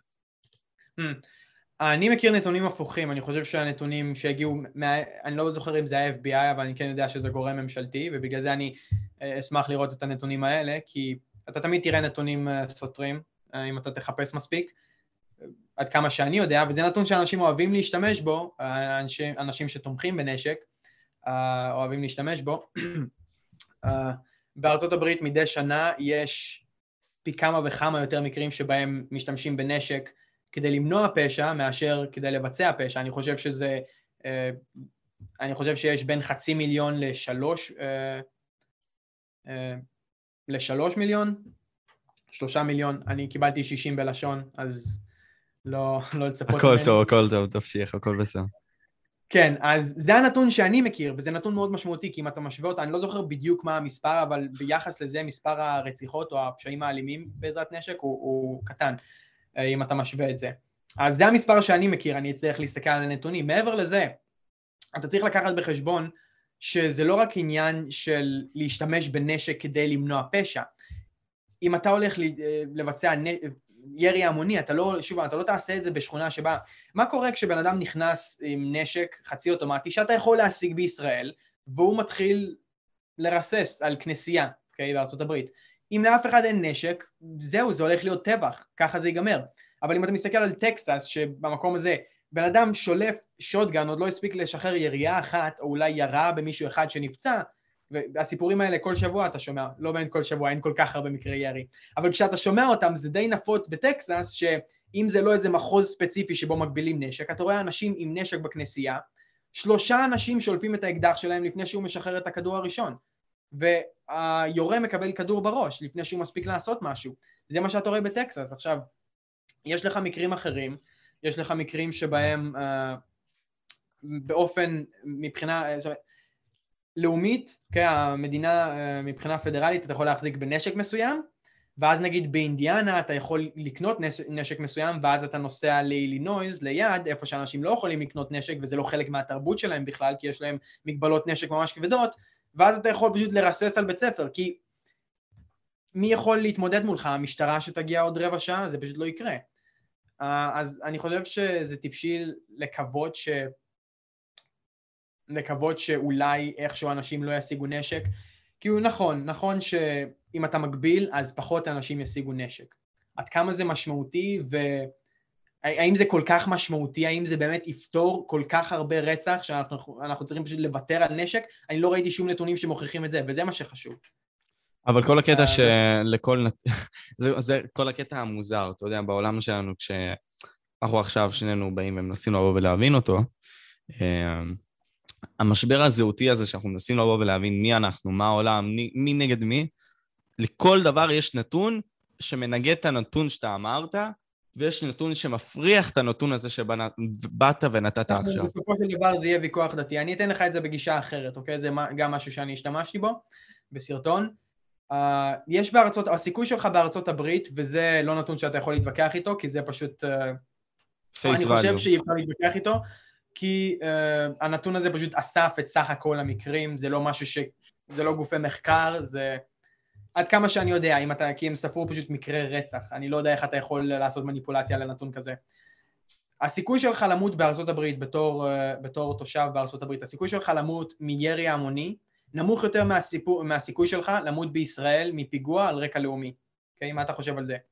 כי אני מסתכל על זה ככה, אם אני אומר לך, היי, hey, אני מאמין בחירות, אני מאמין בחירות הפרט, זאת פשוט האידיאולוגיה שלי, יש לי תורה שלמה שאני יכול לשלוף לך כאן, אבל אני מאמין שאני צריך להחזיק נשק, אוקיי? ושזה הכרחי, ואתה אומר, אוקיי, האידיאולוגיה שלך אה, מסוכנת, היא מסכנת אותנו, היא שמה אותנו בסביבה קצת יותר מסוכנת, והסיכויים שלנו למות עולים. אז אני אגיד ככה, אוקיי, בן אדם במקום להתבולל או לעבור לקנדה, ושוב פעם, להתבולל, פשוט לך תתבולל. שלוש דורות, הסיכוי שתהיה שואה בקנדה, תראה, עד עכשיו לא הייתה. יכלת כבר ללכת, האנשים בסוף מלחמת העולם השנייה יכלו ללכת לקנדה, ועכשיו הנכדים שלהם כבר לא יהודים וכבר אי אפשר לזהות אותם, הילדים שלהם זהו, נגמר, נינים, אתה כבר לא נחשב יהודי. זה בלתי אפשרי לאתר אותך, וגם אם אפשר, אז כאילו, אתה לא הולך לפחד משואה נוספת אם אתה עובר לקנדה. אז למה אתה כאן? איפה שמסוכן יותר, כי יכולים לרצוח אותך על רקע לאומי. למה אתה הגעת לכאן בשם הציונות? זאת גם אידיאולוגיה, זאת גם תורה מסוימת, אמונה מסוימת, ערכים מסוימים. למה שווה למות או להסתכן בשביל הערך הזה, אבל לא בשביל הערך האחר שאני מציג? אז אני חושב שאני יכול לדבר איתך ואני יכול לומר לך, תקשיב, כמה נשק חשוב, ואתה תגיד כן, ואז אתה תשאל, אבל מה לגבי הסכנה? אני אשאל, מה לגבי הסכנה? נכון? חשוב לעלות לארץ, חשוב ליישב אותה, חשוב לשמר את ארץ ישראל וחשוב לשמר את הקהילה היהודית כאן. זה חשוב ברמה שאני לא יכול uh, לתאר, אני הייתי מוכן לשים הכל בשביל זה, נכון, זה חשוב, והסכנה היא בלתי נמנעת, יכול להיות, אבל אנחנו מתמודדים איתה כי זה שווה את זה. אז אני חושב שזכויות נשק זה משהו ששווה לקחת את הסיכון הזה. אני הייתי, אם הייתי בארצות הברית, אם הייתי תושב, והייתי מסתכל על הנתונים, נכון? והייתי אומר, אוקיי, זה הסיכוי שלי למות מירי המוני. אני חושב שאני אסבול את זה, כי אני מפחד ממציאות בלי נשק יותר. אבל אתה, כאילו, זה גם תהייה שלי עם עצמי בקטע הספציפי הזה, כי אנחנו נכנסים להרבה מאוד חלוקות עכשיו. כי אתה אומר, אה, לכאורה, בן אדם, נגיד סתם בארץ ישראל, אה, אמור לפחד ולהירתע מהנתונים הללו. אבל העניין הוא כזה שבסופו של יום בכל דבר שאנחנו עושים יש פחד מסוים ויש איזושהי הפרעה מסוימת נכון, שאנחנו לא נעשה אותה. אז זה, למה אני, אז זה למה אני חושב, כאילו, בתור בן אדם, שיש לנו כל כך הרבה אפשרויות, נגיד בעידן הנוכחי, נגיד סתם למצוא את האישה המושלמת לכאורה, למצוא את העבודה המושלמת לכאורה, אבל אנחנו יותר מדי מתאמצים למצוא דבר שכמעט, והסיכוי שאנחנו נמצא אותו, הוא לא קיים. אז פשוט התהייה הזאת, לדעתי, מפגרת בקטע הזה, שאנחנו צריכים לפחד מה... בקטנה כמה אחוזים האלה שירתיעו אותי ואני מסכים איתך בקטע הזה, שפשוט אתה אומר, לא, צריך לבוא ולהישאר פטריוטים בקטע הזה ולהילחם. ועם זאת, אני רוצה לבוא ולשאול אותך שאלה לגבי זה, כי אתה בן אדם, כי...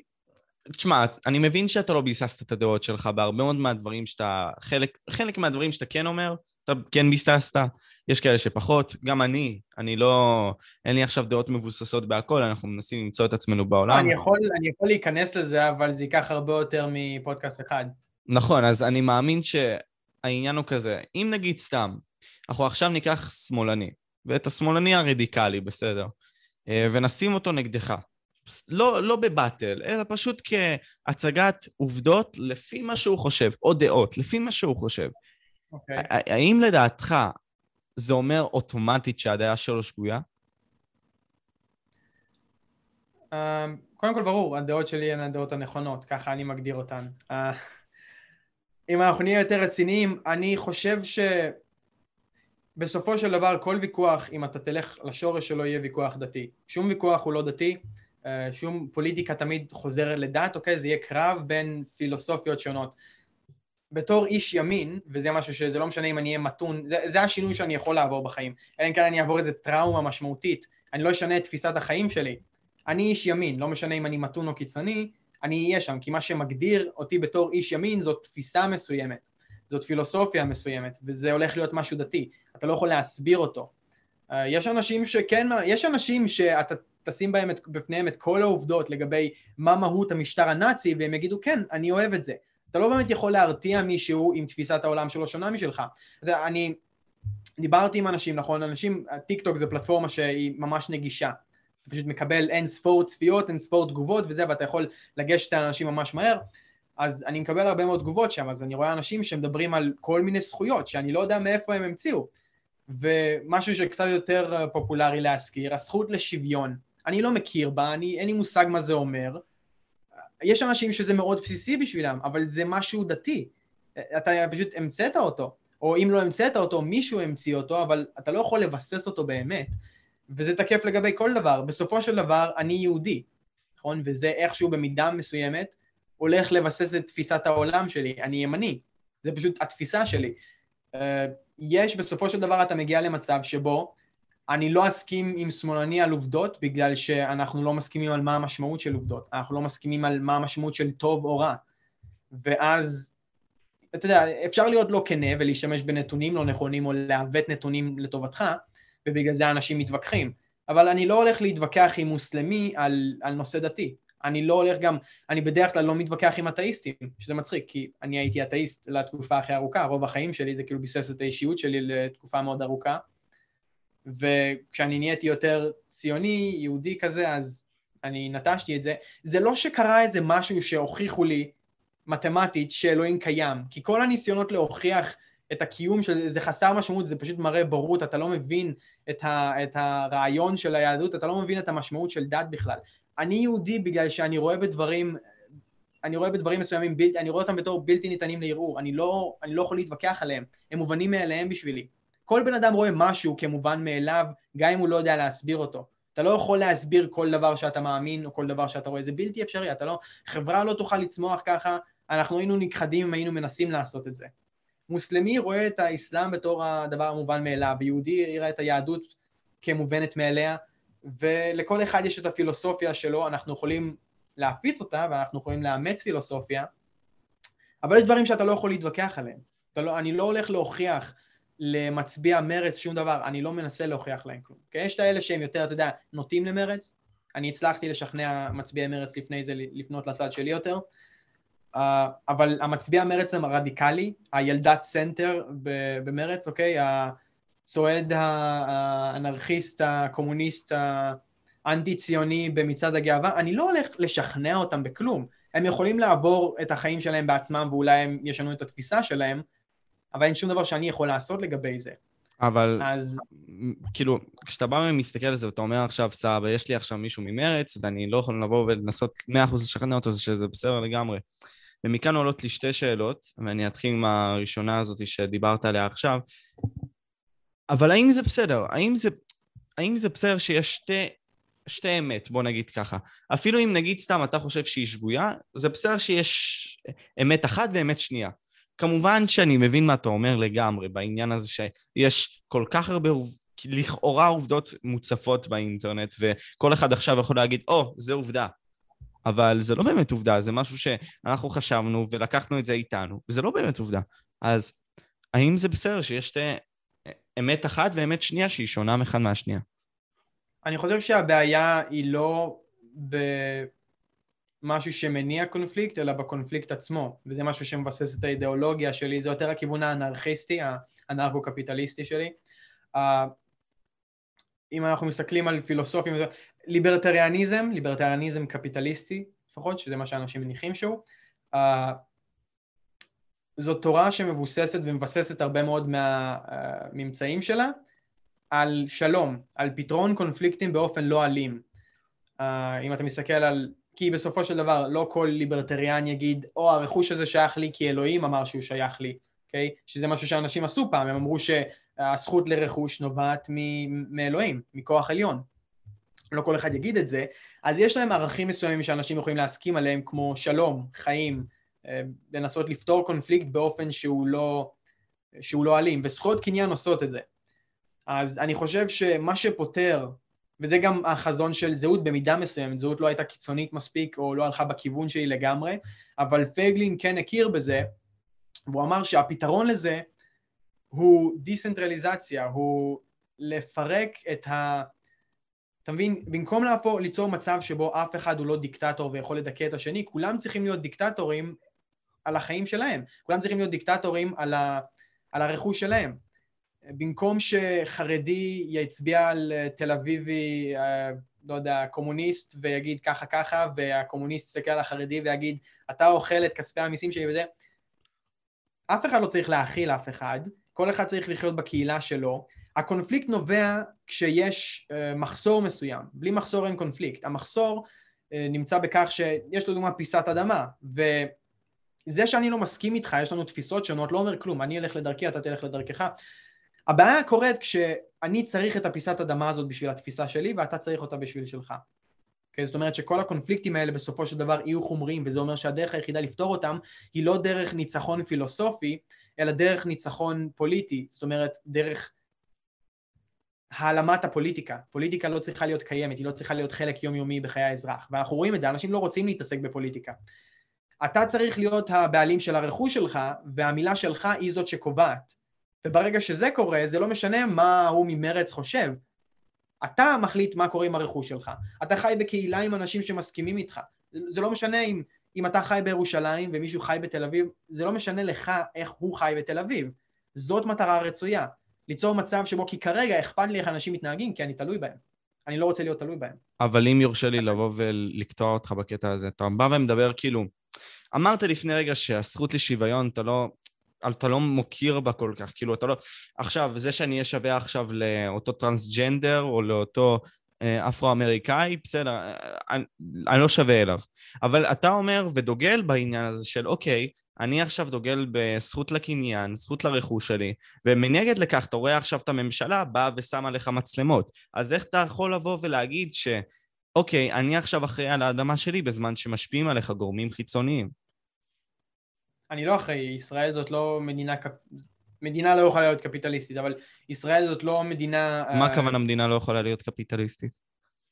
קפיטליזם במהותו, כמו קומוניזם אגב, הוא אנטי, אנטי uh, אטטיסטי, אתה, אתה, לא, המדינה לא יכולה להתקיים. תחשוב על זה ככה, אם אני הבעלים, אני הבעלים של רכוש, כל רכוש שקיים נמצא בבעלות פרטית, אז מה המדינה יכולה לעשות? היא לא יכולה להטיל מיסים, היא לא יכולה להטיל רגולציות, היא לא יכולה לחוקק שום דבר, כי כל דבר כזה יהיה אנטי קפיטליסטי. אתה לא יכול, המדינה לא יכולה לפעול או להתקיים במערכת קפיטליסטית, כי עצם היותה קפיטליסטית מונעת מהמדינה להתקיים ולפעול.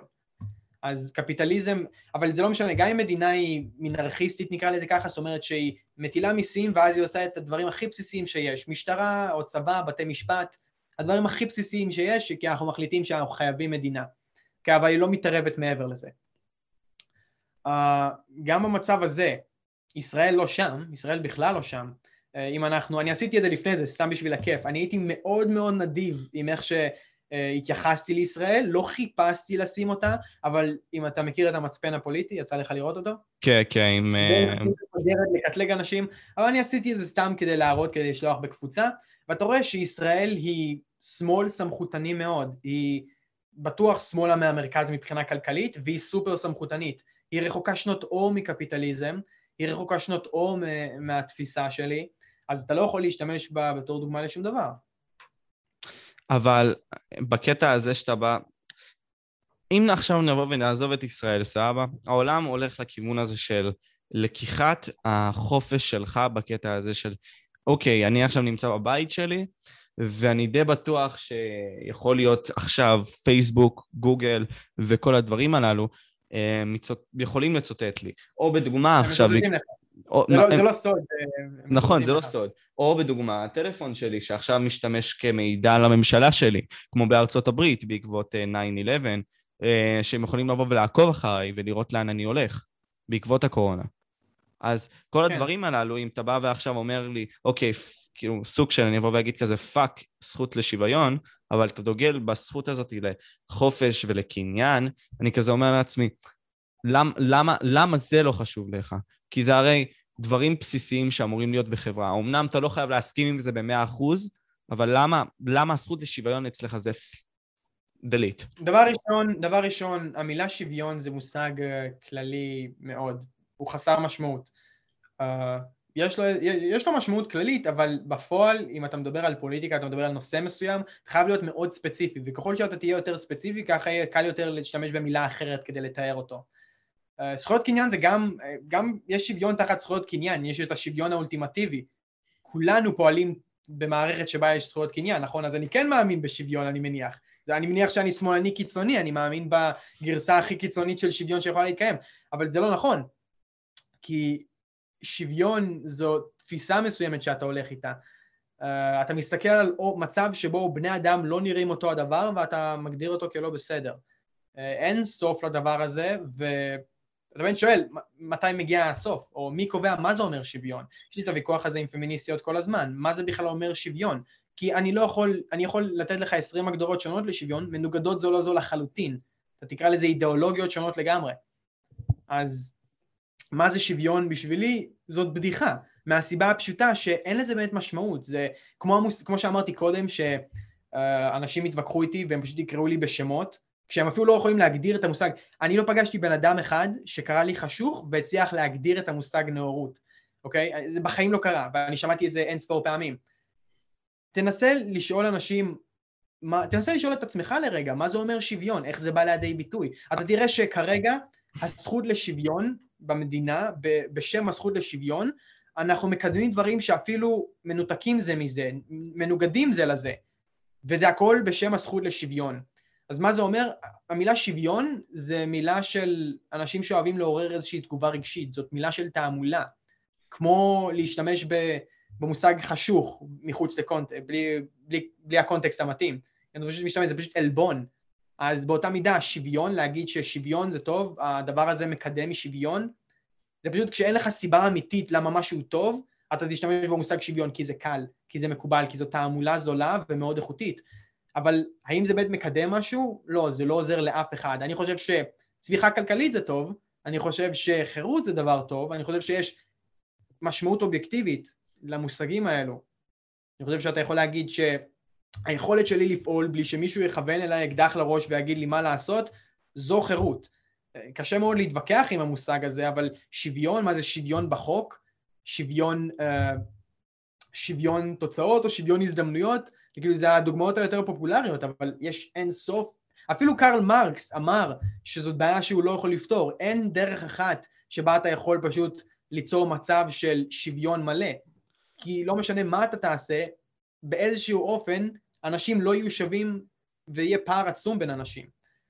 אבל זה, כאילו, יונתן, זה הולך לכל דבר, כאילו, בחיים שלנו, אם זה פוליטיקה מסוימת. אה, אם אתה הולך עכשיו, סתם דוגמה, לפילוסופיה של קאנט, של uh, פילוסופיה סטואית, בסדר? אף אחד מהם לא מושלמת, ובהרבה מאוד מהמקרים, אם אתה לוקח אותה לאקסטרים, כמו שאתה מדבר עכשיו על השוויון, ולהגיד כזה, אוקיי, בוא נקשיב שהגזע, המין, הגיל, השפה, הלאום והדת והנטייה המינית שווים בחלוטין.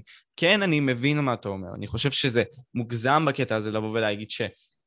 הזכות לשוויון היא מוחלטת, היא לא מוחלטת, ואני מסכים איתך בפן הזה שאתה אומר... אמ, לא, זכות שזה... חייבת להיות מוחלטת, זה כל הרעיון של זכות. כל הרעיון של זכות זה שזה משהו שהוא לא נתון לוויכוח. אם אפשר להתווכח על זכויות, אז אני יכול להתווכח איתך על למה אנחנו צריכים לרצוח את השכן שלי. כל הרעיון בזכות, כמו הזכות לחיים, לדוגמה, שזאת זכות קניין, כל הרעיון בזכות לחיים זה שאנחנו לא מתווכחים עליה. אם אנחנו מתווכחים עליה זאת לא זכות. אתה חי עכשיו, אם אפשר להרוג אותך, אם אנחנו פשוט צריכים להתווכח מספיק כדי לרצוח אותך, אז אין לך את הזכות לחיים, יש לך את הפריבילגיה. כל עוד אנחנו מאפשרים לך לחיות, אתה תחיה. זכות זה משהו שהוא בלתי מעורער, זה משהו שאין להתווכח עליו, משהו שהוא מוחלט וסוף פסוק. אז אתה... ואם אתה יכול להגיד שזה לא מוחלט, אז שוויון זאת בהחלט, בקונטקסט מסוים זאת פריבילגיה, אנחנו מספקים לך את זה כי אנחנו החלטנו לספק לך את זה. אנחנו יכולים לקחת את זה, אנחנו יכולים להעניק יותר או פחות מזה, אבל זאת לא זכות, וזאת לא יכולה להיות זכות. אז הכוונה שלי הייתה אולי להתייחסות לתתי פרקים בתוך העניין הזה של ש... הזכות לשוויון. סתם בדוגמה, אה, גיל, אנשים לא יסתכלו עליך בצורה שווה אם אתה בגיל 18 או אתה גיל 70, יבואו ויתייחסו אליך בצורה יותר, בוא נגיד ככה, אה, חסרת ניסיון, חסרת אה, הזדמנויות. אה, דברים כאלה, פשוט תסתכלו עליך בצורה מסוימת. כן, אני, אני מבין מה אתה אומר, ותודה שחידדת אותי לגבי זה, כן, אתה צודק. אה, אבל אני אבוא ואגיד שהתתי נושאים הם בעיה. כמו שאתה אמרת, אתה באמת התייחסת לזה בצורה מאוד טובה. וברשותך אני אבוא ואעבור לשאלה אחרת בגלל הדבר הזה. אה, דיברנו על דברים שהם לכאורה ברורים, בסדר? הזכויות למיניהם, אידיאולוגיות שונות, תפיסות שונות לחלוטין וכאלה. למה לדעתך חשוב להיות באמת ציוני במדינת ישראל? האם זה בכלל חשוב לבוא ולהיות ציוני? אני חושב שקודם כל, קודם כל אני חושב שיש לזה כמה שלבים. דבר ראשון, uh, אני חושב שזה משהו שמפריד אותי מאחרים. אני לאומן, אני אנטי אימפריאליסט, שזה משהו שאתה לא רואה הרבה. Uh, זה משהו שאני לקחתי מהרבה מאוד פשיסטים, לא רק אנרכיסטים. יש כדי למקסם חירות באופן מסוים, אה, משהו שאנשים ניסו לעשות זה ליצור מצב שבו יש ממשלת עולם אחת, זה כיוון שאנשים הלכו בו, הם גלובליסטים. אה, הם רוצים שתהיה מדינה אחת והרעיון שלהם הוא כזה, לדוגמה גלובליסטים אמריקאים, אוקיי, ניאו-קונסרבטיבים בדרך כלל מתייחסים אליהם ככה, זה רובם, לא בהכרח. אה, ניאו-קונסרבטיבים או ניאו-ליברלים, הם מסתכלים על הכדור בתור כדור אחד והם מסתכלים על כולנו בתור חברה אנושית אחת אז הם אומרים, אוקיי, זה לא בסדר שאנשים חיים בצורה מסוימת באיראן, אנחנו צריכים לפלוש לשם, אנחנו צריכים לש... לשים שם את הדמוקרטיה. כמו שאצלנו קיימת הדמוקרטיה, ככה באיראן, באפגניסטן, בעיראק, זה עבד בקוריאה, בקוריאה הדרומית, אה, ופחות או יותר זהו. כאילו, הם הצליחו לעשות את זה ביפן, אבל הם פחות או יותר השמידו את יפן מבחינה תרבותית, והם הפכו אותה למדינת בובה. אבל אני מבין, זאת uh, מעצמה אימפריאליסטית שהתנגדה להם ותקפה אותם, אז הם עשו מה שהם עשו, זאת מלחמה. אבל לפלוש פשוט ללכת למקום אחר ולהשמיד את סגנון החיים, את התרבות שלו, זה משהו שהוא משמיד חירות והוא משמיד את ההזדמנות היחידה לחירות, כי אף פעם לא קרה מצב כזה שבו אה, צבא, אתה, אתה משליט חירות או את הערכים שלך ואנשים פשוט מקבלים את זה ומודים לך, זה לא משהו שקורה, אוקיי? Okay? אנשים לא מבינים למה דמוקרטיה קורסת במזרח התיכון, אתה יודע, יש בחירות מסביבנו, אבל אף מדינה מסביבנו לא נחשבת לדמוקרטיה עדיין, נכון? חוץ מאיתנו. זה לא מעניין. חוץ מאיתנו. כי הבחירות לא שוות שום דבר, זה לא משנה, אם האנשים לא רוצים לחיות במדינה דמוקרטית, היא לא תהיה דמוקרטית. אם אנשים לא מקבלים את הערכים האלה, הם לא יקבלו אותם. אתה לא יכול לכפות את זה עליהם. כל מה, ש, כל מה שארצות הברית הגלובליסטית הביאה, כל מה שהאימפריה הזאת הביאה לעולם, זה הרס ורצח ו, וסבל. אבל לדעתי אתה פה אני, טועה. אני אני רוצה...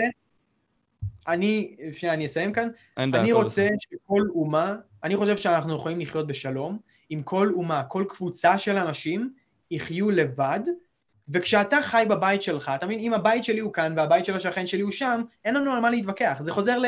זה דומה לזכויות קניין, כי זה בעצם גרסה יותר מקרו של זכויות קניין במידה מסוימת. אז אני חושב שבסופו של דבר, אה, כדי להעצים את האינדיבידואל כמה שיותר, אתה צריך להעצים את המשפחה יותר, אחר כך יש לך עוד ועוד מעגלים, יש לך את הקהילה, יש לך עיר, מחוז, מדינה, נכון? ככל שאתה נותן יותר אוטונומיה לכל אחד מהם, אתה מתקרב יותר לחזון הזה של האינדיבידואל החופשי וה, והבטוח שחי בסביבה הבטוחה והחופשית ביותר. אה, אם אני יהודי, אני רוצה לחיות בין יהודים. אה, הדרך הכי טובה בשבילי למקסם את החירות שלי בתור יהודי, זה לחיות עם האנשים שאני מסכים. אז זה בא לידי ביטוי בשיטה המחוזית, כמו שאמרתי, שתל אביבי יחיה בתל אביב וירושלמי יחיה בירושלמי ואנחנו לא ניגע אחד בשני. אותו הדבר אה, במפה הגלובלית. אמריקאי יחיה כמו שאמריקאי חי, וערבי יחיה כמו שערבי חי, ולמען האמת, אני לא רוצה להפיץ דמוקרטיה במזרח התיכון. אני לא חושב שזה משהו חשוב, אני לא חושב שזה משהו טוב, זה, אני לא חושב שזה עבד, ואני לא חושב שזה מוסרי. אנחנו יכולים לחיות, אתה יודע, כמו ש... אתה מכיר את אוזוולד מוזלי? כן, כן. כן. הנאצי, הנאצי הבריטי. הוא לא היה נאצי, הוא היה לאומן, פשיסט. לאומן פשיסטי. לא- אז uh, הוא אמר, אוקיי, זה קטע מנאום מאוד מפורסם שלו שאני ממש אהבתי, אנחנו יכולים לחיות בשלום ואחווה במדינות שלנו, בקרב הקבוצות שלנו, עם התרבויות שלנו, אוקיי? אבל מה שאנשים רוצים זה, אוקיי, זה, הוא הגדיר אותם בתור האנשים האפורים בינינו, אנשים שאין להם זהות, אין להם משמעות, הם ריקים מבפנים והם כל כך מלאים בסבל מהריקניות שלהם, הם רוצים להפוך את כל העולם לריק ואפור כמוהם. אז הם אומרים שאוקיי, כל העולם צריך להיראות אותו הדבר, אה, הם רוצים להשמיד את כל מה שהאנושות יצרה עד עכשיו, כל התרבויות האלה. כואב לי שיפן איבדה את התרבות המסורתית שלה והפכה לסתם מדינה מערבית כביכול, בובה של ארצות הברית. אני לא רוצה את זה בשבילם, אני אהבתי את הרעיון הזה, אתה יודע, אתה טס ליפן כדי לראות את יפן, אתה לא טס ליפן כדי לראות בובה של ארצות הברית, כמו שאתה לא טס לארצות הברית כדי לראות את צ'יינאטאון, כן, אתה לא רוצה לטוס לארצות הברית כדי לראות את צ'יינאטאון, אולי, אולי אני מפחד לטוס לסין, אז אולי אני שמח שיש צ'יינאטאון, אבל uh, אם אתה היית יכול לטוס לסין, היית טס לסין כדי לראות את סין, היית טס לארצות הברית כדי לראות את ארצות הברית, היית טס לבריטניה כדי... הרעיון הזה של פשוט למזג קבוצות של אנשים, להשפיע אחד על השני, אתה לא יכול ליצור, לכפות על אומה מסוימת חירות או דמוקרטיה או כל ערך שאתה רוצה אם הם לא רוצים את זה. אבל מהפכה אתה... צריכה לקרות מבפנים, לא מבחוץ. אבל... אז מה שאני רוצה זה שאנשים יחיו בגבולות שלהם ואנשים יחיו עם העצמאות שלהם. אז אנחנו חוזרים לנקודה שהתחלת, למה uh, ציונות חשובה לי? כי בתור יהודי אני לא, לא רק שאני לא יכול למקסם את החירות שלי או את הזהות שלי בתור יהודי אם אני לא חי בארץ היהודים, אני פוגע באחרים, אוקיי? Okay? כי לאומנים, אתה יודע, לאומנים הרבה פעמים לא שונאים, הם לא נאצים, הם לא אנטישמים, אוקיי? Okay? מוזלי דיבר על היהודים והרבה מאוד ידברו על היהודים, הם לא נאצים, אין להם שנאה רק מעצם היותנו יהודים, הם פשוט לא רוצים אותנו איתם. ואני מבין את זה, אני לא רוצה, אני לא רוצה ש-20% מהאוכלוסייה שלי יהיו, עכשיו שייכנסו לכאן מלא אנשים ופתאום 20% מהאוכלוסייה לצד האוכלוסייה הערבית כבר כאן, אני לא רוצה שייכנסו לכאן נוצרים מצרפת או משהו כזה. אני לא אבל, לא רוצה אותם כאן. אבל אתה מבין את הקטע... ולכן להם את כל הטוב של העולם אצלם, אני לא רוצה אותם כאן. אבל כשאתה בא ואומר את זה, אתה מסתכל על העובדה הזאת שבני אדם יש להם באמת את הזכות המלאה ואת האפשרות המלאה גם, לבוא ולשנות את מה שעליהם. סתם בדוגמה עכשיו, אתה אמרת לי שאדם יכול לבוא ולעשות מה שהוא יכול, לבוא ולצאת מהתקרה הזאת ש...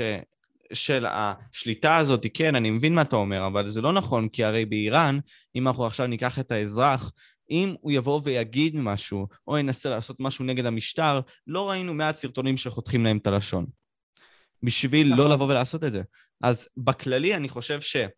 כן, אתה צודק בפן הזה שאוקיי, לא יכולה להיות דמוקרטיה במזרח התיכון, במיוחד בישראל, מהסיבה הפשוטה שאם אנחנו דוגלים באמת בערך אה, יהודי ולהשאיר את המדינה שלנו בצורה מסוימת ולטפל בבעיות שלנו בלי לכאורה להסתכן, כן, אנחנו צריכים להוריד את הדמוקרטיה, אבל זה, אנחנו נקבל, המחיר הוא עצום אם אנחנו נעשה את זה. כי הדמוקרטיה מחזיקה אותנו בפני כל שאר העולם.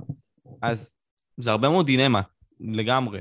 אה, ואני לא חושב ששני בני נוער או שני אנשים שהם כבר בני 18 או 19 יכולים לבוא ולפתור את זה. זה למה שיחות כאלה הן חשובות. אנחנו לא יכולים לפתור שום דבר, אבל אנחנו יכולים...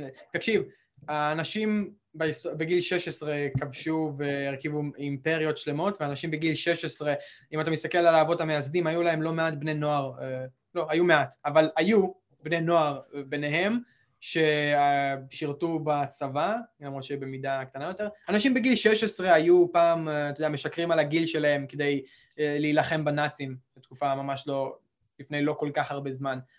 Uh, זה נכון שבתור, אני חושב שמה שמבדיל אותי, מה שבאמת ישנה אותי מהיום לבין אני כשאני אתבגר, גם אם אני, ללא קשר לחינוך שאני אקבל וכל הדברים האלה, מה שיבדיל אותי בעיקר זה כמובן שאני אהיה פחות אידיאליסט כנראה, ואני אהיה יותר, אני אהיה יותר מתון ואני אהיה יותר שקט באופן שבו אני מתנהג, אני אהיה פחות רדיקלי, אני פחות אחפש. זה, יש לזה קשר לגיל, יש לזה קשר לזה שכנראה כשאם תהיה לי משפחה משלי, בית, אה, עבודה קבועה, קריירה, כל הדברים האלה, שיש לך יותר לאבד ויותר לדאוג לו במהלך היום, אז יהיה לך קשה יותר, זה בסדר, אני, אני מבין את זה. אני כבר עכשיו, שוב פעם, אני מתעסק בזה רק כי אני מרגיש שאין לי ברירה. אני חייב להספיק לעשות דברים. או לפחות אני חייב לעשות את הכי טוב שאני יכול, כל עוד אני יכול. אם יהיו לי ילדים, אני פשוט, אני מחר יכול פשוט לא להעלות יותר סרטונים, אני יכול פשוט להעלות סרטון שבו אני דקה אחת מסביר שאני סיימתי ואני אלך. זה יכול לקרות כל יום, okay? זה לא, אני, אין לי שום סיבות לעשות את זה כרגע, אבל זה יכול לקרות מחר. אם אני הולך, מוצא עבודה, ולא יודע, המשפחה שלי רוצה לבלות איתי יותר זמן, הערוץ פוגע, ואני פשוט מסתכל ואני אומר, זה כבר לא שווה את זה, זה לא מביא מספיק. מה הסיכוי שאני אעשה את השינוי הזה? אני פשוט אפסיק. Uh, אני עושה את זה כרגע כי זה לא לוקח ממני יותר מדי, ויש לי איזושהי תקווה, אני רוצה לעשות את מה שאני יכול. Uh, אם אנחנו חוזרים ל... אם אנחנו חוזרים לנקודה היא של הצורך להפיץ דמוקרטיה בעולם, uh, הרבה מאוד מהפכות התחילו ונכשלו, ו... אבל בסופו של דבר העולם המערבי הצליח להחזיק דמוקרטיה והעולם המזרחי לא הצליח. כי רוסיה, דמוק... בכל, לא. בכל העולם המזרחי, בכל כך הרבה מדינות, אנשים פשוט לא מחזיקים... קודם כל אני חושב שדמוקרטיה, אני חושב שגם העולם המערבי נחשב. אני לא פאנבוי uh, של הדמוקרטיה הישראלית, אני לא משתמש בה בתור דוגמה למשטר מוצלח. אני חושב שיחסית היא הצליחה לשמר את המבנה הדמוקרטי שלה, או לפחות אם אנחנו נקרא לזה ככה, כמה דמוקרטיה זה שלטון העם, בעדי העם, למען העם, זה לא קיים אצלנו. אבל אנשים מצביעים והקול שלהם משפיע על ההרכב של המפלגות. במידה מסוימת זה נכון וזה עדיין קיים, ובמידה מסוימת חופש הביטוי אה, מוגן, אף אחד לא הולך לפרוץ לכאן ולהרביץ לי על מה שאני אומר. אבל אם אתה חושב שאתה חושב עצמאי, כאילו, האם אתה בתור בן אדם עכשיו, סבבה? אתה חושב שאתה חושב עצמאי בעידן הזה של אה, חופש הביטוי ודברים כאלה, או שאתה מושפע מהאינטרנט? איך אתה מגדיר את עצמך? אני חושב ש... קודם אני חושב שאנשים שאלה שקוראים לעצמם חושבים עצמאיים, הם אלה שהכי מושפעים, כי זה הטרנד לתקופה ארוכה, ואני נפלתי להרבה טרנדים, אני שמח לומר שאני לא נפלתי לטרנד הזה, תמיד חשבתי שזה קרינג'. אבל אני חושב שאף אחד לא חושב עצמאי, ואני פיתחתי כלים בשביל עצמי לאיך לדאוג שאני אהיה כמה שיותר חושב עצמאי, אבל אני לא חושב שזה דיקודמיה, שזה אתה או חושב עצמאי או מושפע. אתה במידה מסוימת גם וגם, זה לא אחד מול השני. אה, אתה חייב להיות קצת כדי להיות אחר. אה, שוב, אנחנו חוזרים לרעיון הזה, אתה, לא פשוט מגיע למסקנה לוגית שבה אתה חושב ואומר, אוקיי, זכויות קניין, אוקיי, דמוקרטיה. אתה לא, אתה לא יוצר אידיאולוגיה יש מאין, אתה מבסס אותה על משהו שאתה פשוט קיבלת, על תפיסת עולם מסוימת. Uh, מעבר לכך, נכון, אתה יכול להיות מושפע, אבל אני מבסס את, ה, את האמונה שלי שאני לא מושפע על כמה דברים. קודם כל, הייתי מושפע לפני זה, בהחלט, אני יכול לזהות את זה עכשיו כשאני קצת יותר התבגרתי, אבל זה היה לתקופה די קצרה. דבר ראשון שאני יכול להגיד שעוזר לי ל- להבטיח את זה לעצמי, נגיד ככה, זה שאני לא יכול, לא יכול לתת שם אחד, בן אדם אחד, אידיאולוגיה אחת, שום גורם אחד שאני פשוט מסתכל עליו ואני חושב עליו, איזה, איך אני שמח שהדבר הזה, אני פשוט שמח לחשוב עליו. כשאני חושב על בן אדם, לא משנה מי זה, תן לי שם של פוליטיקאי שאתה חושב שאני אוהב, פייגלין, אוקיי? זה דוגמה זה. כשאני חושב על פייגלין, אני לא חושב פייגלין כמה אני אוהב אותו, אני אוהב להתבדח על זה, יש לנו מימס על פייגלין המשיח והכל, ויש סטיקרים בוואטסאפ, אבל זה רק סטיקרים בוואטסאפ, זה רק מימס. כשאני חושב על פייגלין, הדבר הראשון שעולה לי לראש, מעבר לזה שזהות מתה, זה מה אני לא, מס... הדברים שאני לא מסכים איתו עליהם. אני לא יכול לחשוב על בן אדם אחד, ואף אחד לא ימצא לך דוגמה של בן אדם אחד שאני פשוט מסכים איתו, ואני חושב, הוא כזה מגניב. הרבה מאוד מהקהל שלי עושה את הטעות הזאת, אני לא הולך לתקן כל אחד שמגיב, וואו, אתה כזה גאון, אתה צריך לרוץ לכנסת, זה אני מניח, יש אנשים צעירים, הקהל שלי נע בין 14 ל-30, אוקיי, בגילאים. ויש חבר'ה צעירים בקהל שלי, והם בפייז הזה. אני כשהייתי בן 14, אני התחלתי לצפות בסרטונים של בן שפירו, זה כאילו, בן שפירו משמיד עם עובדות ולוגיקה, נכון? זה ממכר. אז אני יודע שהייתי מושפע, כי אני לא יכלתי לחשוב באותה תקופה על איזושהי, איזושהי מציאות שבה בן שפירו אומר משהו לא נכון. הוא היה אלוהים, כל מה שהוא אומר חייב להיות נכון. אני לא רואה את זה עכשיו, אז זה נותן לי איזושהי תחושה יחסית של ביטחון. אני לא יכול לחשוב על משהו שאני פשוט דובק בו, אני דובק בעקרונות, אבל אני לא יכול לחשוב על מקור. אתר אינטרנט, מקור חדשות, פודקאסט, בן אדם, פילוסוף מסוים. אני קורא ספרים, אני מסכים עם חצי מהפרקים, ואני לא מסכים עם חצי מהפרקים. אז, אז זה נותן לי תחושה של ביטחון, כי אם הייתי מושפע ממישהו, אז אפשר לראות את זה, אני פשוט לא הייתי מסוגל לתפוס את הרעיון הזה שהמקור הזה טועה. אבל זה לא קיים, אז זה נותן לי תחושה של ביטחון בנושא הזה. אני חושב שכן, אני באופן יחסי חושב עצמאי. אז תגיד לי, בקטע, אני טיפה סוטה מהנושא בכלל עכשיו בקטע הזה. האם אתה חושב שבהכרח הציונות הופכת אדם לפטריוטי במדינת ישראל? אני חושב שהתנועה, הציונות זה פשוט האמונה שלעם ישראל יש אה, זכות אה, קיום בארץ ישראל, אוקיי? זה, זה, יש לזה אלמנטים אחרים, איך שהתנועה עצמה התקיימה, אוקיי? אתה תיכנס לזה הפילוסופיה של איך ישראל צריכה להתקיים, הרעיון שזאת חייבת להיות מדינה קודם כל, הרעיון שהמדינה צריכה להיות חילונית, זה דברים שבאו יחד עם האנשים שהקימו והביאו את הציונות לכאן, אבל אני לא חושב שזה מה שמגדיר, אם זה היה מגדיר אותה, אני לא הייתי קורא לעצמי ציוני, הייתי פשוט אומר, אני לא ציוני, אוקיי? Okay? כי אני לא שם. אני בטוח לא רוצה שזאת תהיה פשוט מדינה אה, אירופאית אה, בסגנון גרמניה, שפשוט חיים בה יהודים. אוקיי? משהו כזה. אני לא רוצה מערכת משפט וחקיקה וכל הדברים האלה מה, מהגויים האלה. יש דברים שאני אוהב, יש דברים שאני לא אוהב, אני לא רוצה לאמץ את זה מהם, ואני לא רוצה להיות סתם דוגמה שלהם, רק אני יהודי ממקור, מהמוצא האתני שלי. זה לא עוזר לי. Um, אז במובן שכן, אני יהודי, כי אני, אני, אני ציוני, כי אני מאמין בלאומיות יהודית. זה הכל. לאום. לא מדינה, לא... אני מאמין בל... בזכות, של ה... בזכות השיבה של הלאום היהודי, שזה מושג מאוד אה, כללי, לא הלאום היהודי, אלא הזכות שווה, זכות השיבה שלנו לארץ ישראל. Okay? אוקיי? אני רוצה לחיות כאן, אני רוצה לחיות בבית שלי בשומרון עם טנק בחצר. למרות שיש שם מבנה הררי, אז כאילו אני הרבה פעמים אומר את זה, אבל זה לא נשמע כל כך הגיוני להחזיק טנק בשומרון. בכל מקרה, הרעיון הוא שזה החזון שלי, אני רוצה לחיות כאן, ואני רוצה לחיות כאן בתור יהודי. זה הופך אותי לציוני. מעבר לכך, כל דבר אחר שמקושר לציונות, תופעת החילון, האטטיזם, רוב הציונים שהגיעו לכאן הם היו סוציאליסטים אה, במידה משמעותית. אני לא יכול לסבול את זה, אני לא סובל את בן גוריון, אני לא כל כך אוהב הרבה מאוד הוגים או פעילים אחרים שהיו בתקופה כאן, אני חושב שהם עשו לנו עוול נוראי.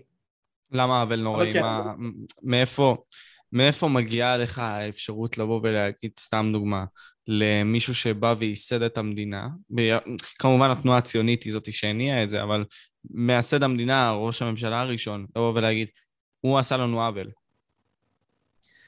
כי כשיש לך הזדמנות לממש, אתה צריך לעשות אותה באופן מסוים. Uh, אם אתה לוקח את ההזדמנות ואתה עושה אותה באופן שמישהו אחר יגיד שהיא רעה, אז מן הסתם שאתה תהיה זה שאכזב אותו, אתה תהיה זה שלקח הזדמנות ואתה כביכול גנבת אותה ממנו.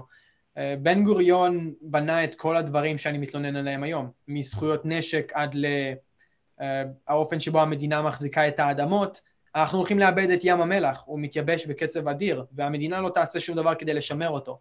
היא מאפשרת למפעלים פרטיים לשאוב ממנו מינרלים, היא מאפשרת לתיירות למות, כי בתי מלון פשוט uh, מאבדים לקוחות, כי ים המלח נעלם, נכון? משאב הטבע הזה נעלם. אבל היא מאפשרת לזה לקרות, כי, תבין, אם זה היה בן אדם פרטי, והוא היה רואה שאוקיי, נכון שאני מרוויח מהמינרלים שהמפעלים שואבים, אבל אני מפסיד תיירות, אז בוא נאזן, בוא נכניס פנימה מים, בוא נמצא פתרונות. המדינה לא עושה את זה כי לא אכפת לה. היא מנותקת מהרעיון הזה. אז הרעיון הוא שכל המערכת הזאת, כל פעם כשאני מתלונן על משהו, זה יהיה משהו שבן גוריון אחראי עליו. שוב פעם, כמו שאמרתי, כשאני מציב את ישראל על המצפן הפוליטי המפגר הזה, איפה ישראל תהיה? ישראל תהיה מאוד סמכותנית ונוטה באופן משמעותי שמאלה, אוקיי? אם אנחנו נציב את זה כאן, אז אני אהיה פה, אוקיי? אני אציב במקום שאפשר לראות, אוקיי? כאילו אנחנו בהפכים שונים לגמרי. האופן שבו המדינה, והמדינה אפילו התקרבה לחזון שלי, היא נהייתה יותר ליברלית לפחות, יש יותר אה, דימוי לזכויות קניין במדינה בצורה משמעותית מקום המדינה, אז תחשוב, אם הייתי חי כאן בקום המדינה, הייתי משתגע פשוט. לא הייתי יכול לסבול את זה. כאילו כל הבעיות שלי, מן הסתם, מגיעות מקום המדינה. אבל אתה מבין, אתה אומר את זה, אתה כאילו, זה כמו שאני אתן לך דוגמה כזאת, בסדר? יונתן, אני עכשיו סתם אה, בא ואומר, אתה נולדת ממשפחה מסוימת שהיא אה, ענייה, שהיא נמצאת עכשיו במצב לכאורה נוראי, וזה משפיע עליך. עכשיו, בגלל שהמשפחה ענייה ולכאורה וכל הדברים הללו, זהו, זה ישפיע על העתיד שלך, זה ישפיע על הדורות שלך, וזה ישפיע על מה שהולך לבוא. אני חושב שזה טועה, כי אם אתה באמת רוצה בסופו של יום לבוא ולשנות את התמונה הכללית, אתה תעשה את זה, כי זה באמת בוער בך. העובדה שמדינת ישראל משאירה את הבעיות האלה שאתה ציינת ועוד הרבה מאוד לא פתורות, לדעתי זה בעיה אחרת, בעיה של אי אכפתיות, בעיה של נוחות, בעיה של... כן, אני חושב שאתה מפספס את הנקודה כאן. אם בוא נסתכל על משהו, דוגמה יותר ספציפית, נמשיך עם הדוגמה שלך למשהו יותר ספציפי. המשפחה שלי ענייה כי, וזה לא המצב, אבל המשפחה שלי ענייה כי אבא שלי התמכר לסמים קשים אחרי שנולדתי, וזה דרדר את כל המשפחה, אוקיי?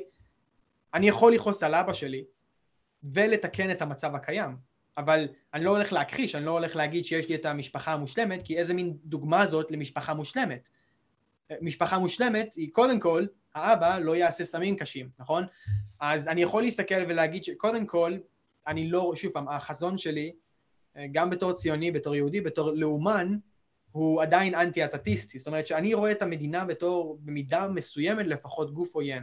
גם אם היינו מביאים את ה... יוצרים את המדינה המושלמת, מדינה מינרכיסטית, שהפעילות שלה היא רק משמרת את הקיום שלנו כאן ולא יותר מזה. גם אז, אני, הפילוסופיה שלי, אתה שמעת פעם על אה, מפלגת הפאות? לא, אתה יכול בבקשה להרחיב על זה? מפלגת, מפלגת הפאות זה התחיל באנגליה וזה המשיך אחר כך הברית. הפילוסופיה אה, הזאת מתמקדת ברעיון של אה, למנוע צמצום של כוח, כי הרעיון הוא כזה, כל עוד וזה נוגע בעיקר למדינה. כל עוד המדינה יכולה לעשות משהו, היא כנראה תעשה אותו. כל עוד... וזה מנמק הרבה מאוד דברים כמו זכויות נשק. ואתה חושב שמה הסיכוי שאנחנו נעבור אה, שואה כאן בארץ ישראל שלנו? אני אומר, יש לזה סיכוי, ואני הולך לה, להתייחס לזה, אני הולך uh, לפעול כאילו זה הולך לקרות עוד עשר שנים, okay? זה מה שאני הולך להניח. אז uh, כשאנחנו מדברים על אני, כן, פספסתי, נעלם מחוט המחשבה, הזה. על מה דיברתי לפני, לפני שנייה, לפני שגלשתי לזה? הפאות. אתה דיברת בכללי גם על כל העניין הזה של אבא עם הסמים הקשים ואת כל הדברים הללו. כן, ואיזה נקודה הייתי צריך להוכיח? הגישה שלי למדינה? כן, אז גם במצב שבו, הנה חזר לי, גם במצב שבו המדינה היא מושלמת כביכול, אני פשוט הולך להניח שהמטרות שלה רעות. יש לי סיבות לכך. יש סיבה אידיאולוגית, נכון? אני מרכיב את זה, אני אומר שהמדינה מנותקת, היא לא מחויבת לזה, היא, אה, יש בה, אה, האנשים בה יכולים לעשות דברים רעים ועדיין לא יהיו להם השלכות, אז אני לוקח את כל הדברים האלה ואני אומר, אוקיי, סיכוי טוב שהמדינה תעשה דברים רעים, אני הולך להניח שהיא הולכת לעשות דברים רעים. אז זאת אומרת שהמדינה היא האויב הנצחי שלי, למרות שאני לאומן קיצוני. כי אני רואה, יש לי ארץ, ארץ, יש לי אדמה, יש לי לאום, האנשים שחיים בה, יש לי קהילה, יש לי משפחה, יש לי דת, יש לי את כל הדברים האלה. המדינה היא לא משהו הכרחי, היא לא חלק מזה בהכרח. היא משהו שנלווה לזה אולי, אבל אני לא אוהב את המדינה, אני מוכן לסבול אותה אולי, אבל אני אף פעם לא אוהב אותה. ובגלל זה אין לי בעיה לומר, אתה מבין, העם היהודי עשה טעויות מסוימות, המשפחה שלי עשתה טעויות מסוימות, אני לא הולך להחזיק אה, איזושהי שנאה כלפיהם, או לזכור להם את זה, אבל כשזה מגיע למדינה, זה, אני יכול לתקן עוול, או לנסות לתקן עוול, אבל זה חשוב לזכור מאיפה זה הגיע, כמו שזה חשוב לזכור שסמים זה רע, כי אני לא יכול פשוט להגיד שאוקיי, אנחנו נשכח את מי אשם במצב של המשפחה שלי אם אבא שלי עשה סמים קשים, אני אזכור את זה, כי זה חשוב לזכור את זה, וזה חשוב להבין שסמים זה רע, והמדינה זה רע. אז... אבל אתה בכללי, אני... אבל בכללי בקטע הזה אתה אומר לי, תשמע, משה, עכשיו, זה משפיע עליי עד היום, אבל זה מהבחירה שלנו שזה יבוא וישפיע עלינו עד היום. אתה מבין? זה מה שאני התכוונתי. בהחלט, אבל השאלה היא כזאת, השאלה היא כזאת, למה זה משפיע עלינו עד היום? כי אנחנו בתור עם, לא בתור אינדיבידואלים, אני יכול לשכנע אותך במשהו, אבל בתור עם, אנחנו, לפחות מהתפיסה שלי, שזה כל מה שאני יכול לתת לך, בתור עם, אנחנו לא השתננו, או לפחות לא השתננו מספיק מהתפיסה שהייתה לנו בקום המדינה. זאת אומרת שכל עוד אנחנו לא נגיד שבן גוריון אשם, כן, הוא, זה שהנהיג אותנו והקים את המדינה היהודית, הוא אשם בבעיות האלו, הוא אשם, הוא יצר את זה. עד שאנחנו לא נגיד את זה, אני יכול לדבר יום ולילה, אנשים עדיין הולכים להריץ אותו ולהניח שמה שהוא עשה הוא צודק. אולי הוא לא היה מושלם, אבל הוא עשה הרבה דברים טובים. זאת חשיבה מוטעית. הגיבורים שלנו כביכול לא אמורים להיות חלק בלתי נפרד מהערכים שלנו, ממה שחשוב לנו. אני אף פעם לא אגיד שאנחנו צריכים לנטוש את הציונות או שאנחנו צריכים לנטוש את היהדות. אני תמיד אהיה נגד זה. אני אשמר את, ה, את הדברים האלה, אני אשמר את הדת והמסורת, זה חשוב. אבל בני אדם, בני אדם שעשו טעויות, בני אדם שעשו טעויות ממש כבדות מלכתחילה, uh, אנחנו צריכים להעביר עליהם ביקורת, אפילו לשנוא אותם, ואתה יודע, אני חושב שאנחנו צריכים לשנוא את בן גוריון ולהודות שכן הוא עשה כמה דברים מאוד חשובים, למרות הכל. אבל אנחנו לא צריכים לאהוב אותו, אנחנו לא צריכים להתעלם ממה שהוא עשה, אנחנו לא צריכים להתעלם מהנזק שלו, להפך, כרגע אנשים רק מתעלמים. רוב האנשים לא חושבים את מה שאני חושב, לא חושבים על מה שאני חושב. אז אני צריך להוביל תנועה שבה ככל שהאחוז שלנו באוכלוסייה מצטבר, בעזרת השם, אנחנו צריכים להיות הכי קיצוניים שאפשר בכיוון השני לדחוף כמה שיותר חזק. ואז אתה יודע, צריך להפוך, להגיע, להזיז את חלון האוברטון ככה שמי שבמרכז, הבן אדם הלא פוליטי הממוצע במרכז, יוכל לבחור בין הגישה הקיצונית שלי לגישה בצד השני, וזה ישפר את, ה, את הסיכויים שלי, נכון? אני לא יכול להיות פשוט עדין ולהגיד, חבר'ה, תקשיבו, אתם כמו איזה מפלגה לאומית ליברלית ממוצעת בכנסת, להגיד, חבר'ה, אה, סוציאליזם זה רע, מיסים לא צריכים להיות גבוהים מדי, או פייגלין יגיד שהמדינה צריכה קצת לצאת מהחיים שלנו, ולפעמים הוא ילך קצת יותר קיצוני, אני לא חושב שהוא אומר את כל מה שהוא באמת מאמין בו, מהבחינה שהוא לא רוצה להפחיד אנשים, וגם אני לא רוצה, אני אציע רפורמה אחרי רפורמה. אבל חוץ מפייגלין, אף אחד לא באמת מתקן שום דבר, או מנסה לתקן שום דבר, כי כולם חייבים להישאר בראש המתון הזה. אני אומר, לא, זה רע, זה נורא, בואו נעיף את זה, בואו ניפטר מזה, בואו נשנה את הגישה שלנו. אבל לדעתי, כשאתה בא ואתה אומר עכשיו לגבי uh, בן גוריון שהוא הבעיה, שהוא יצר את ההשלכה של המדינה שלנו כיום, יכול גם להגיד את זה לגבי ישות אלוהית מסוימת. אני יכול להגיד שאלוהים, וואו, יצר לנו את העולם הזה בצורה כזאת מסריחה, ש... נגיד אם ניקח את האידיאולוגיה הקומוניסטית, צה"ל יצר חברה לא שוויונית, לכאורה, אה, יצר חברה שלא נותנת אפשרות לכולם, לכאורה, וכל מיני דברים כאלה. אז אפשר להגיד, להפנות את זה לכולם, שהמייסד הוא הבעיה כי הוא לא עשה את ה... נכון, אז אתה לא תהיה, דבר ראשון, אז אתה לא תהיה יהודי מבחינה דתית, כי זה מנוגד לחלוטין לתפיסה היהודית, וכמובן שזאת מלחמה, מלחמה של תפיסות. יש לי תפיסה מסוימת, ולפי ממנה אני יכול לראות את העולם, אבל אתה חייב תפיסה מסוימת. כי כרגע מה שיש לנו זה, זה מה שאנשים תמיד אומרים, אם נגיד אני אדבר על מצעד הגאווה, אנשים יגידו לי מה אכפת לך, כאילו אני צריך להיות חסר תפיסה. אבל הנקודה הזאת מגיעה מהמקום הזה של כביכול להם אין תפיסה מסוימת. אין להם איזושהי... אני חשוב ופרימיטיבי, אבל הם נאורים וכל מסקנה שלהם הגיעה מלוגיקה טהורה. זה לא נכון. תמיד יש תפיסה. מה שתמר זנדברג עושה בכנסת, האידיאולוגיה שלה, זו דת. זו דת פגאנית, זו דת שטנית, אבל זו דת. זאת פילוסופיה שמנוגדת לחלוטין ליהדות, ואני הייתי אומר ש... אוקיי, לא ניכנס לזה, אבל אני כן אגיד שזה בסופו של דבר תפיסות עולם במלחמה זו עם זו, uh, ואתה לא יכול שכולם ינצחו במצב הזה. אתה פשוט לא יכול, אתה חייב להביס את האויב בסופו של דבר. זה נכון שקומוניסט יגיד שהי תראה איזה רע לנו, ואני אגיד שהי תראה איזה רע לנו מהסיבה ההפוכה, אבל לא אכפת לי מה הקומוניסט חושב. Uh, אם אני יכול לשכנע אותו, אני אנצל את זה. אם אני יכול להפריך אותו מול קהל כדי לשכנע את הקהל, אני אעשה את זה. אבל אם קומוניסט מהמקום הכי בסיסי שלו מאמין שכל מה שאני מאמין בו הוא מרושע, כי זה מה שאני מאמין שכל מה שקומוניסט מאמין בו הוא מרושע. מרב מיכאלי היא מרקסיסטית, אני מדבר על זה הרבה, ואנשים פשוט בשוק. היא פשוט, הרעיונות שלה טיפה רחוקים מהמיינסטרים, אז היא תסתיר אותם. היא תיתן הרצאה, אבל היא לא תחזור עליה יותר. אה, או שהיא לא תקרא לעצמה מרקסיסטית, אבל היא מרקסיסטית, זאת האידיאולוגיה שלה. אז עד כמה שאני יודע, היא השטן בהתגלמותו. אני לא יכול לשכנע אותה בדברים, אני לא יכול uh, להילחם בה באופן שבו שנינו נחיה ונהיה מרוצים ונמצא את העמק השווה. אין עמק שווה ביני לבין מרב מיכאלי. אז אחד מאיתנו חייב להביס את השני. אבל כשאתה בא ומסתכל על זה, זה, זה מנגד את מה שאני חשבתי לבוא ולהגיד, שאתה מסתכל על הדוגמה של בן גוריון כדוגמה הנכונה, אבל כשאני באתי ואמרתי לגבי הדוגמה האלוהית, ש... כי זה מאוד רילייטבול uh, מה שנקרא. לבוא ולהגיד... כן, בן גוריון מנוגד, בוא נגיד את זה ככה, עם הפילוסופיה שלי נגיד ככה, אלוהים, מה זה אלוהים? אלוהים זאת התגלמות מוסרית מסוימת, זה הפרצוף של האידיאולוגיה, ה... לא, לא סתם אידיאולוגיה, אידיאולוגיה זה יותר קטן, נכון? זה דברים קטנים, פוליטיקה זה משהו ממש קטן לעומת כל הקיום שלנו ומשמעות הקיום שלנו. אז אלוהים זה הפרצוף של המוסר היהודי. אני יכול לקחת כל דבר בתנ"ך ופשוט להגיד שתקשיב, אנחנו נוצרנו מתהליכים אבולוציוני, אבולוציוניים לחלוטין, אלוהים זו מטאפורה לחוקים שפשוט ככה הם, הם חוקים שטבועים אה, בפיזיקה של היקום שלנו, ואלה חוקים שטבועים בביולוגיה של, שלנו בתור בני אדם, זה פשוט, מור... ככה אנחנו מורכבים, אוקיי?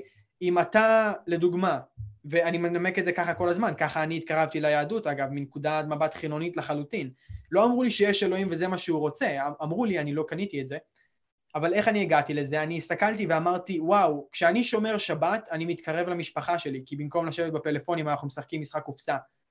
ואני אומר, רגע, המשפחה היא חשובה, לא? כאילו אם אני בבעיות, במקום לפנות למדינה כדי שתעזור לי עם איזה בעיה בריאותית, המשפחה שלי תלווה לי כסף או תעזור לי, נכון? זה כאילו המנגנון הכי טוב בעולם נגד המדינה.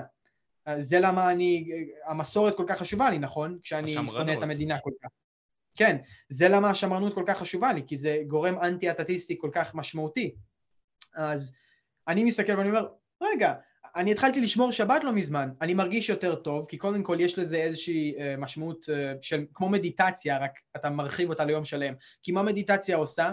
אתה רגיל לכל כך הרבה דברים שאתה חייב לחשוב עליהם כל הזמן, מדיטציה זה מצב שבו אתה מנקה את הראש שלך מכל הגירויים, מהמסכים, מהקולות, אתה פשוט מנקה את הראש שלך, ואתה מווסת את ה... Uh, אתה בעצם מאזן את המוח שלך שנמצא בכל כך הרבה עומס, אוקיי? במילים הכי פשוטות. זה יותר דיטוקס, עושה את זה.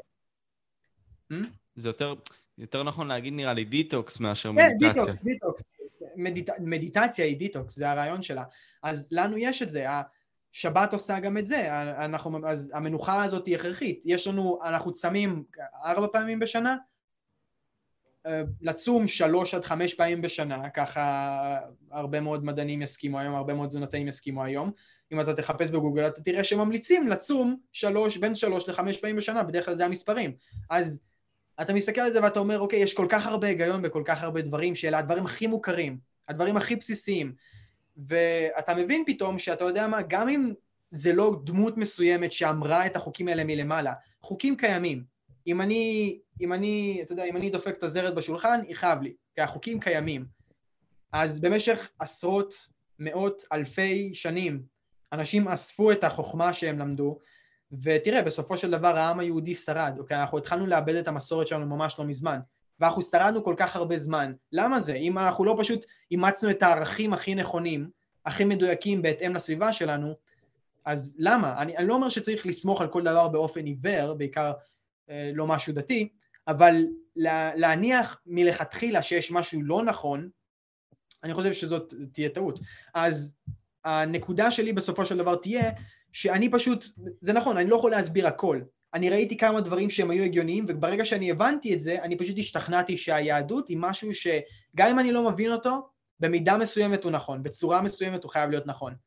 אז כן, זה משהו דתי. אני יכול להסביר חלק קטן, ומזה אני השתכנעתי בהרבה יותר.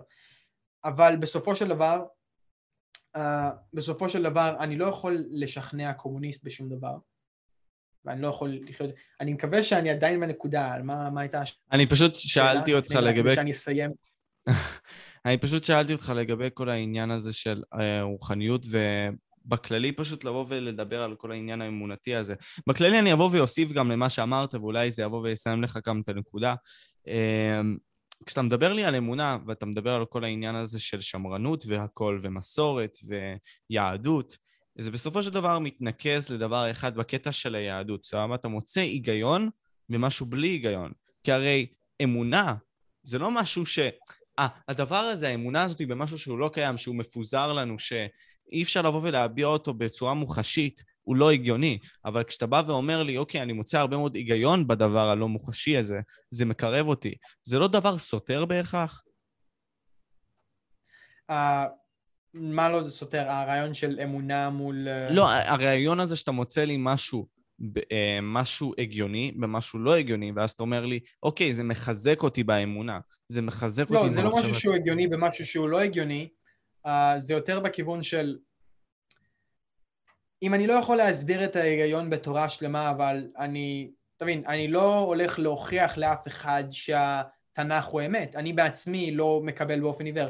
אני לפעמים, אתה יודע, אני נכנסתי לדת ממש לא מזמן, uh, זה, אני לומד הרבה, אני מדבר עם אנשים, אני בקבוצה, כי יש לנו, uh, הייתה לנו קבוצה ש, ש, שבה אני למדתי מדי פעם ושאלתי שאלות מחבר'ה קצת יותר דתיים ממני, uh, אני מאזין לפודקאסטים של רבנים, אוקיי, okay, מאוד מפורסמים, לאט לאט אני לומד ואני לומד כל מיני דברים, לא כל דבר שאני שומע מהתנ"ך אני פשוט מקבל אותו כנכון, אבל אני כן משתכנע, זה פשוט משהו מתמשך. אולי מחר אני אפסיק להיות יהודי, אבל מבחינה דתית.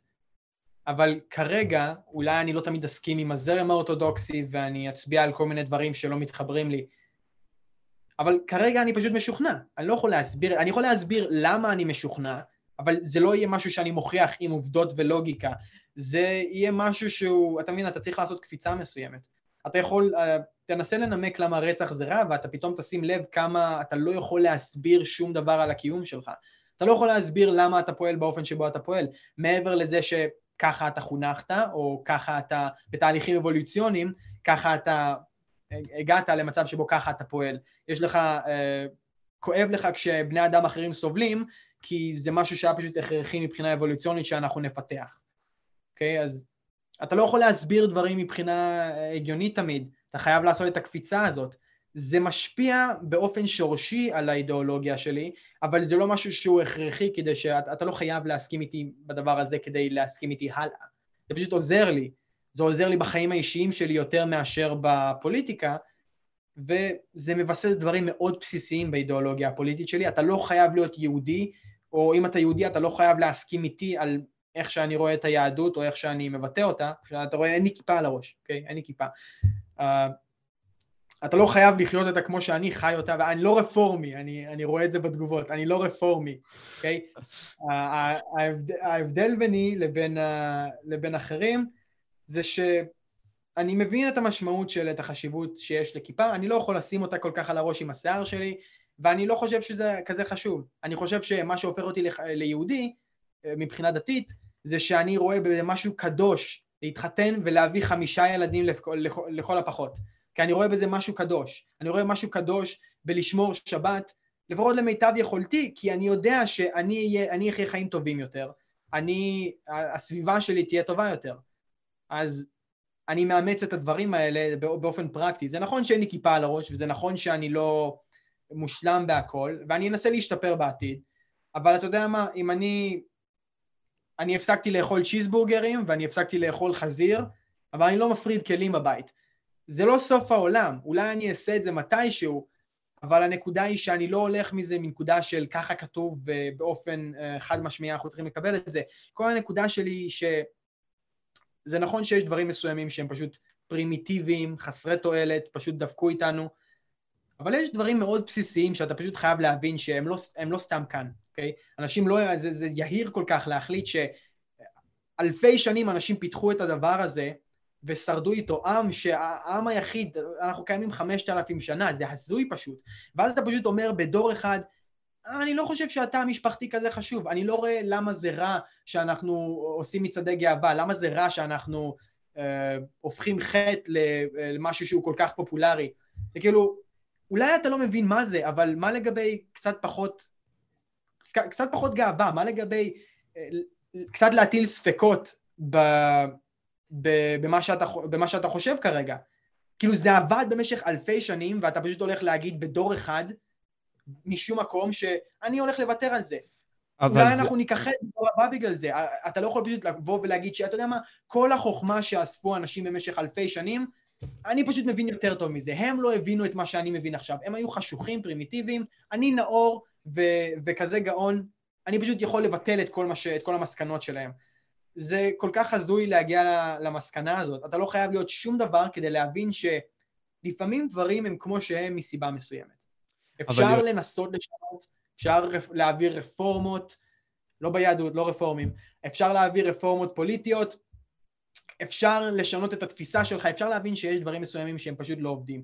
אני מסתכל על הקהילה, אתה יודע, אה, האורתודוקסית, החרדית בישראל, ואני אומר, תראו, ביחס לבני דודים שלהם בארצות הברית, הבני דודים שלהם בארצות הברית הם האוכלוסייה הכי עשירה בארצות הברית. יהודי ארצות הברית, הדתיים, הם האנשים הכי עשירים בארצות הברית, uh, מבחינת מגזר. בישראל הם האנשים הכי עניים מבחינת, בקרב היהודים, הם הכי עניים. אז אני אומר, אוקיי, לא משנה מה אתה חושב, אתה לא הולך להיות, אם יהדות זה הדבר המושלם, זה האידיאל שלנו בתור יהודים, אתה לא עושה יהדות נכון אם אתה זקוק לנדבות, אם אתה זקוק למדינת הרווחה. אתה לא עושה יהדות נכון. איך אני לפ... יודע את זה? כי אתה נכשל בחיים. אבל לפי מה שאתה אומר, יונתן... כן. אבל לפי מה שאתה אומר, יונתן, כאילו, אתה מציג את זה כבר מההתחלה, שוואלה, יש לך שתי... שתי יותר משתי אמת. בסופו של דבר, אתה אומר את הגישה שלך לאמונה, אתה אומר גישה אחרת, אז מן הסתם שעכשיו, נגיד סתם, לא יבואו וישמעו לאמת הזאת שעברה מדור לדור, ממסורת למסורת, שהיא נחשבה כאמת היחידה. כי עכשיו אנחנו, כמו שאמרת, אנחנו חושבים את עצמנו נאורים, אבל לכאורה זה באמת משימה מוצדקת. אנשים שואלים שאלות ואומרים כזה, אוקיי, אני אהיה יונתן, ואני אהיה כזה שלא אה, יפריט כלים, אבל אני אעשה דברים אחרים שהם לכאורה כן צודקים. אבל מי אמר שאני טועה פה? אז יש אמת אחת. האמת השנייה היא הרבן הזה שאתה מקשיב לו, ואתה אומר, אוקיי, אני מקשיב לו, אבל... נכון, אז השאלה היא, אז הנקודה היא כזאת. בסופו של דבר, כמו שאמרתי, המטרה היא למנוע קונפליקטים כמה שיותר, ואני יכול להמליץ לך מבחינה חברתית, זה משהו, זה, זה, זה דיון דתי, נכון? אני יכול לנהל, ואני יכול להגיד להומוסקסואל שצועד במצעד הגאווה, ממה שיש לך כרגע, אתה לא מנצל את החיים שלך בצורה המיטבית, לא כדאי לך לחיות ככה, ואנחנו ננהל דיון. ואנחנו נבסס אותו על דברים שאנחנו יכולים להסכים עליהם כמובן. כמו שאני ואתה יכולים לנהל דיון, למרות שמוסר הוא סובייקטיבי. זה דבר מפגר להגיד, כי בסופו של דבר אנחנו מסכימים על משהו, ומשם אנחנו ממשיכים הלאה. אז אני, בסופו של דבר, הסיבה שבתור יהודי אני יכול לחיות עם עוד יהודים, זה קודם כל הקשר האתני כמובן, אבל מבחינה יותר תרבותית, דתית, אני יותר קרוב גם לחרדי שחי בבני ברק, מאשר לגוי הפרוגרסיבי בניו יורק. זה נכון שאני אתרחק טיפה מהפרוגרסיבי בתל אביב, אבל עדיין יש לנו מספיק במשותף, ואנחנו חייבים לשמר את המספיק במשותף הזה כדי לחיות יחד. ואז אם יש דברים שהם נפרדים, אז יש לנו את מי שחי במחוז ירושלים או מחוז תל אביב. או זה הבית שלי, החוקים שלי, וזה הבית שלך, החוקים שלך. אנחנו נפריד את הכוח. אנחנו נעשה דיסנטרליזציה ואנחנו ניצור יותר מקומות שבו כל אחד יהיה הדיקטטור של, ה, של, ה, אה, של, אזור, של האזור שבו הוא חי. אז אנחנו נלך בגישה הזאת כדי לנסות לצמצם קונפליקטים, כי בסופו של דבר אתה לא יכול פשוט לקבוע שהאמת שלך תנצח, אולי לא, ואם אתה רוצה את הסיכוי הכי טוב לחיות עם האמת שלך, אתה חייב למצוא משהו שיאפשר לך לחיות בשלום עם אנשים אחרים. אז התשובה שלי לכך תהיה קפיטליזם, היא תהיה לאומנות, אוקיי? זה, זה התשובה שלי, לאומיות, ואתה יודע, זהות לאומית קיצונית מאוד, זהות לאומית ששמה אתכם בתור קבוצה אחת, לא משנה מה, אחר כך יש לך את המשפחה שלך, הקהילה שלך, כל הדברים האלה זה רשתות שעוזרות לך באופן וולנטרי, באופן לא אלים, uh, לשמר את הסגנון חיים שלך, למקסם את החירות ואת השמחה שלך. אם אתה פשוט תלך ב... כי אתה לא יכול להגיד שהאמת שלך היא האמת היחידה ואתה חייב ללכת עם זה עד המוות כדי לשכנע אנשים אחרים או לשנות אנשים אחרים. אתה צריך למקסם את מה שיש לך. אז שוב פעם, אני רוצה שהיפנים יהיו יפנים, אני לא רוצה לגייר את היפנים, אין לי שום עניין בזה, אני לא רוצה לשתף אותם באמת שלי, אני לא רוצה לגייר את הנוצרים. נפלא הקתולים, אוקיי? יש להם, הם עושים, אתה יודע, הקתולים הם, הם אוהבים לעשות דברים בצורה ויזואלית, אז הם יוצרים מימס ו... אה, והם יוצרים תוכן מאוד אמוציונלי, אתה רואה שם אבירים יוצרים למסעות צלב, זה מגניב, אני, אני אוהב את זה, זה מעניין, זה, זה אחלה סרטים, זה כאילו סבבה. אני חושב שזה, אני חושב שהם סוגדים לאלילים, אני חושב שזה מצחיק, אני יורד עליהם לפעמים, אני לא חלק מזה, אבל אין לי בעיה עם זה שאנשים חיים ככה, כל עוד אני יכול ליצור מצב שבו אני אחיה במציאות נפרדת. וזה לא אומר שלא תהיה לי בעיה ממצעד הגאווה, כי מצעד הגאווה קורה ברחובות שלי, קורה במדינה שלי, שאני מושפע מההליכים הפוליטיים שלה. אוקיי? אז אם אנחנו ניפרד למחוזות, ואם אנחנו ניצור שיטה יותר uh, קפיטליסטית, יותר קרובה לזכויות קניין, שבה יש לי כל כך הרבה יותר עוצמה על החיים שלי, אני אוכל להפסיק להתעסק בזה, וזאת המטרה. אז בעצם לכל אחד יש את האמת שלו, אנחנו צריכים להצטמצם כמה שיותר קרוב. ככל שהאמת שלנו יותר קרובה, ככה אנחנו צריכים להיות יותר קרובים זה לזה, וככה כולם יכולים פשוט לחיות עם האמת שלהם באופן לא אלים, באופן שלו, וכולם יכולים למקסם את ההצלחה שלהם. אבל זה חייב להיעשות באופן שמכירה את ה... קודם כל את העובדה שאין פשוט זכויות משום מקום, אוקיי? אין לך את הזכות לאוכל, אנחנו לא חייבים לתת עזרה הומניטרית לאף אחד, אנחנו לא חייבים לספק, אנחנו לא חייבים לתת לזוג הומואים לאמץ ילד, ואנחנו לא חייבים להגן, אנחנו לא חייבים לכפות על בית דפוס להדפיס מסר להט"בי, אוקיי? כי מה שקורה כאן, שזה משהו שקרה, אני לא יודע אם שמעת, זה די ישן, אה, דומה לסיפור בארצות הברית עם העוגת חתונה, נכון? אם אתה אומר למישהו שהוא חייב להדפיס את המסר הזה בשביל הלהט"בים, אתה בעצם יוצר מצב שיש קונפליקט מתמשך. אם החרדים חיים על הכסף של החילונים, אתה יוצר מצב של קונפליקט מתמשך. אחד חייב למות כדי שהשני יחיה. אחד חייב למות כדי שהשני אה, יפרח. אתה חייב ליצור מצב שבו אנשים לא תלויים זה בזה, ואז זה שיש לך אמת שונה משלי, לא יפריע לי. וזה הרעיון. אז כשאני מדבר על בן גוריון, אני אומר שהוא יצר מצב שבו האמת שלי לא יכולה לשרוד, ואני מאוד מדוכא מזה. והאמת של הרבה מאוד מאיתנו, רוב הישראל, רוב היהודים, רוב היהודים, גם החילונים יותר, אם אני אסביר להם למה זה רע, הם יסכימו איתי שזה רע, לא למה זה רע, אלא הם יסכימו איתי על מה רע, ואז אם אני אסביר להם למה בן גוריון רע למטרות האלו, כי הם ציונים. אז אם אני אסביר להם שבן גוריון פגע בנו ככה וככה, הם יגידו, אוקיי, אוקיי, אני מבין את זה. הם אולי לא ישתכנעו בדרך שהגעתי, הם יגידו, אוקיי, אה, להפריט את כל האדמות זאת לא התשובה. אבל במידה והם יסכימו איתי בזה, אם אנחנו נגיע לאמת הבסיסית, אנחנו כבר הסכמנו עליה מלכתחילה, אנחנו כולנו יהודים שרוצים לחיות במדינה יהודית, אנחנו רוצים, או ארץ יהודית, אנחנו רוצים להיות יהודים באדמה שלנו. אז אנחנו צריכים למצוא את האמת הבסיסית, למצוא את האנשים שאיתם אנחנו יכולים להחיות אותה ולשמר אותה, וזה ימקסם עושר, עושר ועושר, אוקיי? עם עין ועם א', לכל האנושות. אז אני אתן לך שאלה אחרונה לבוא ולהתעסק איתה, okay. שאנחנו נתעסק איתה ביחד. אמ, האם צריך לתת, אה, אם דוגמה אמרת לתת נשק לאזרח יהודי, אלא לתת גם נשק לאזרח ערבי? אמ, ואם אתה אומר ש... אה, אוקיי, אתה אומר שיש להם, אבל אם נגיד... יש כאלה שלא, בוא נתחיל מזה. ודבר שני, איך, אם אתה אומר שלא, דוגמה, בקטע הזה, איך זה מתיישב, דוגמה, עם כל העניין הזה של חופש הפרט? אני לא אגיד שלא. Uh, התשובה שלי תהיה שכן. אני לא רואה בזה איום בהכרח, אני חושב שיש מצבים שבהם יכול להיות איום, אבל הפתרון להם, לדוגמה, אני לא מאמין שהמדינה צריכה לדרוש ממך להוציא רישיון נהיגה. Okay, אוקיי? עכשיו, דבר ראשון זה נשמע מפחיד, זה נשמע הזוי, זה נשמע כמו אידיאולוגיה מפגרת. אבל התשובה לכך תהיה שלמה המדינה דורשת ממך לעשות רישיון נהיגה, למה היא כופה עליך? כי היא הבעלים של הכביש. אז היא יכולה להגיד לך להוציא רישיון נהיגה. אתה יודע, אם אתה נכנס אליי הביתה, אתה לא יכול להתחיל, אני יכול להגיד לך, אתה לא נכנס לבית שלי עם נשק. אוקיי? או אם אתה נכנס לבית שלי, הנשק נמצא בצד. אני יכול להגיד את זה, ואותו הדבר, אם הכביש פרטי, אם זה רכוש פרטי, אם זה עסק שמישהו מנהל, אתה נוסע בשביל הרווח שלו, זאת אומרת, אתה מקבל, אתה נוסע לאנשהו ואתה משלם, כמו כביש 6, אבל באופן הרבה יותר משמעותי. אז הוא יכול להגיד, היי, זה לא רעיון טוב לנהל עסק שבו בכביש שלך יש 20% תמותה בגלל תאונות דרכים.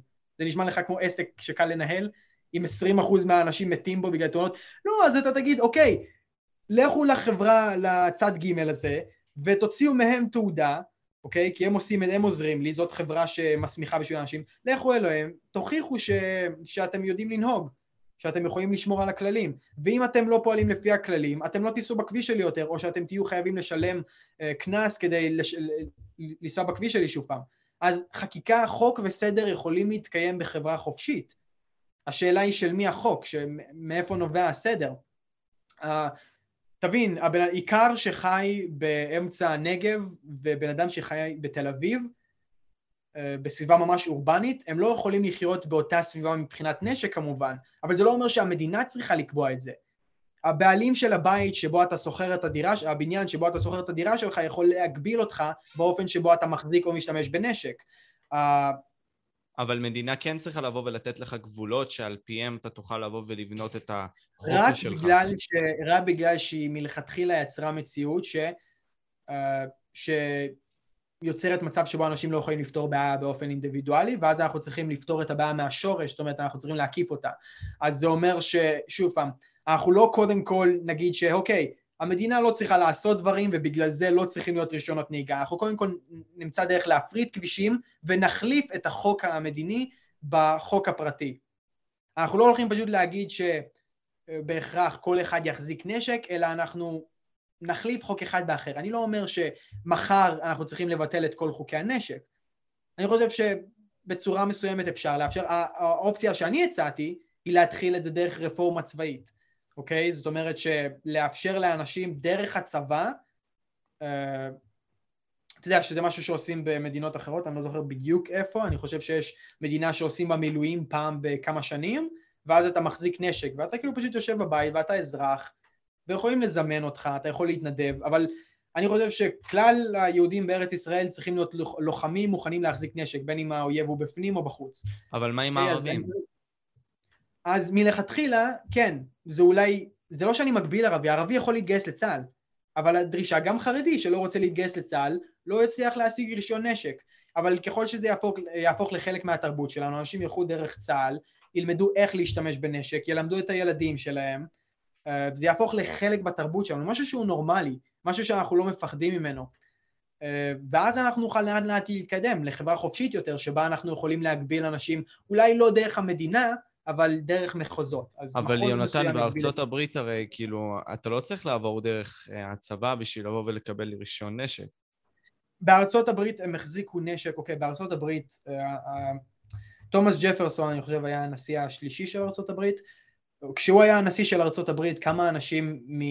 אני חושב שזה היה, לא זוכר אם זה היה ניו יורק או פילדלפיה, משהו על החוף, אני חושב שזה היה ניו יורק, הם שלחו לו מכתב שבו הם שאלו אם הם יכולים להחזיק תותחים כי um, היה להם כל מיני בעיות ביטחוניות, אזרחים, אוקיי? היה להם קשיים, היה להם, לא יודע, שודדים או פורצים, והם היו, הם שאלו אותו אם הם יכולים להחזיק תותחים, אוקיי? תותחים, זה, תחשוב אם מישהו שולח עכשיו לנשיא המדינה או לאיזה פוליטיקאי בכנסת ושואל אותו, אה, יש מצב אתה מאפשר לנו להחזיק טנק בחצר? אוקיי, סתם, תושב ממוצע, מעמד הביניים. מה שתומאס ג'פרסון ענה במכתב הבא, הוא אמר, מה אתה שואל אותי? מה, זה המקום שלי להגיד לך איזה נשק אתה יכול להחזיק? לא, תעשה מה שבא לך. ככה הוא ענה להם. אנשים בטקסס מגיל ארבע לומדים איך להחזיק בנשק. זה חלק בלתי נפרד מהתרבות שלהם, מהמהות שלהם. אנחנו חייבים להתקדם לשם איכשהו, ותקשיב, אולי אני טועה, בגלל זה מה שאני מציע, כמו פייגלין, פייגלין לא אומר ישר החזון שלו מאה אחוז, בגלל זה חלק אני בטוח שהוא מסתיר, חלק uh, הוא פשוט אומר לך את האמת, אבל הוא לא אומר ישר ככה אנחנו צריכים לעשות, הוא מציע רפורמות. על רפורמה אפשר לחזור אחורה, אנחנו מתחילים דרך הצבא, אנחנו רואים לאן זה הולך. מתחילים לתת יותר רישיונות, הקלות יותר באופן שבו אתה משיג רישיון, להפוך את זה לזול יותר, לנגיש יותר, ליותר אנשים. עם הזמן יש לך יותר אזרחים שומרי חוק שעברו דרך הצבא, שעברו הסמכה, שלמדו איך להשתמש בנשק בצורה אחראית, הם מחזיקים בנשק. עכשיו הבחור הטוב, נקרא לו ככה, הבחור הטוב מחזיק בנשק לפני שהבחור הרע מחזיק בנשק, אם אין לו כבר נשק. ומשם אנחנו יכולים להתקדם, אולי אני טועה, אז אנחנו לא נהיה קיצוניים כמו שאני מציע בחזון שלי בסופו של דבר, אבל אפשר להגיד שהרפורמה הראשונה שאני מציע לא תועיל לנו, היא בטוח תועיל לנו, ומשם אפשר לראות מה יקרה. אולי יותר אבל... טוב, אולי, אולי אנחנו נצטרך לחזור אחורה. אבל היא, אני, אני מבין לגמרי מה אתה אומר, וזה יכול להיות מאוד טוב, אבל עוד פעם, בקטע, אני מצטער שאני חוזר על זה, פשוט העניין כזה, הסבא הערבי, נגיד, הוא צריך לעבור גיוס, צריך לעבור דרך צה"ל בשביל לקבל את הרישיון נשק לפי החזון הזה שלך. עכשיו, אם אני אבל אומר, אוקיי, בגלל שבישראל זה חובה סבא, אין בעיה. אבל יש ערבים שלא מתגייסים כמו שיש חרדים שלא מתגייסים, כמו שיש אה, מיעוטים שלא מתגייסים. למה אבל לא לתת להם? שוויון מעניין אותי. התנאים הם שווים לכולם, כל אחד יכול להתגייס לצה"ל או במידה מסוימת לעבוד, אני לא אמרתי איך זה הולך לעבוד, אני לא הגשתי לך את, ה, את הרפורמה, אני לא ראש הממשלה עם קואליציה של 80 מנדטים ואני עושה מה שבא לי וככה זה הולך להיות, וזה התוכנית שלי, אבל אני אומר באופן כללי, שאם אנחנו מתחילים את הרפורמה דרך צה"ל, כי זה הכרחי, כי אנשים לא יודעים, תקשיב, גם אם אנחנו נעביר, ניתן זכויות נשק, רוב האנשים, דוד שלי שוטר, יכול להחזיק בנשק, הוא לא רצה, הוא ויתר על זה. הוא, אה, אני חושב, אחד הדודים שלי, שני, יש לי שני דודים שוטרים, אחד מהם פרש, הוא יכול להחזיק נשק, השני עוד לא פרש, אני חושב, לקראת פרישה. לא רוצה, הם לא רוצים להחזיק נשק בבית, כי הם מפחדים, זה לא חלק מהתרבות שלנו. בטקסס אף אחד לא מפחד להחזיק נשק הרבה יותר קטלני מסתם גלוק.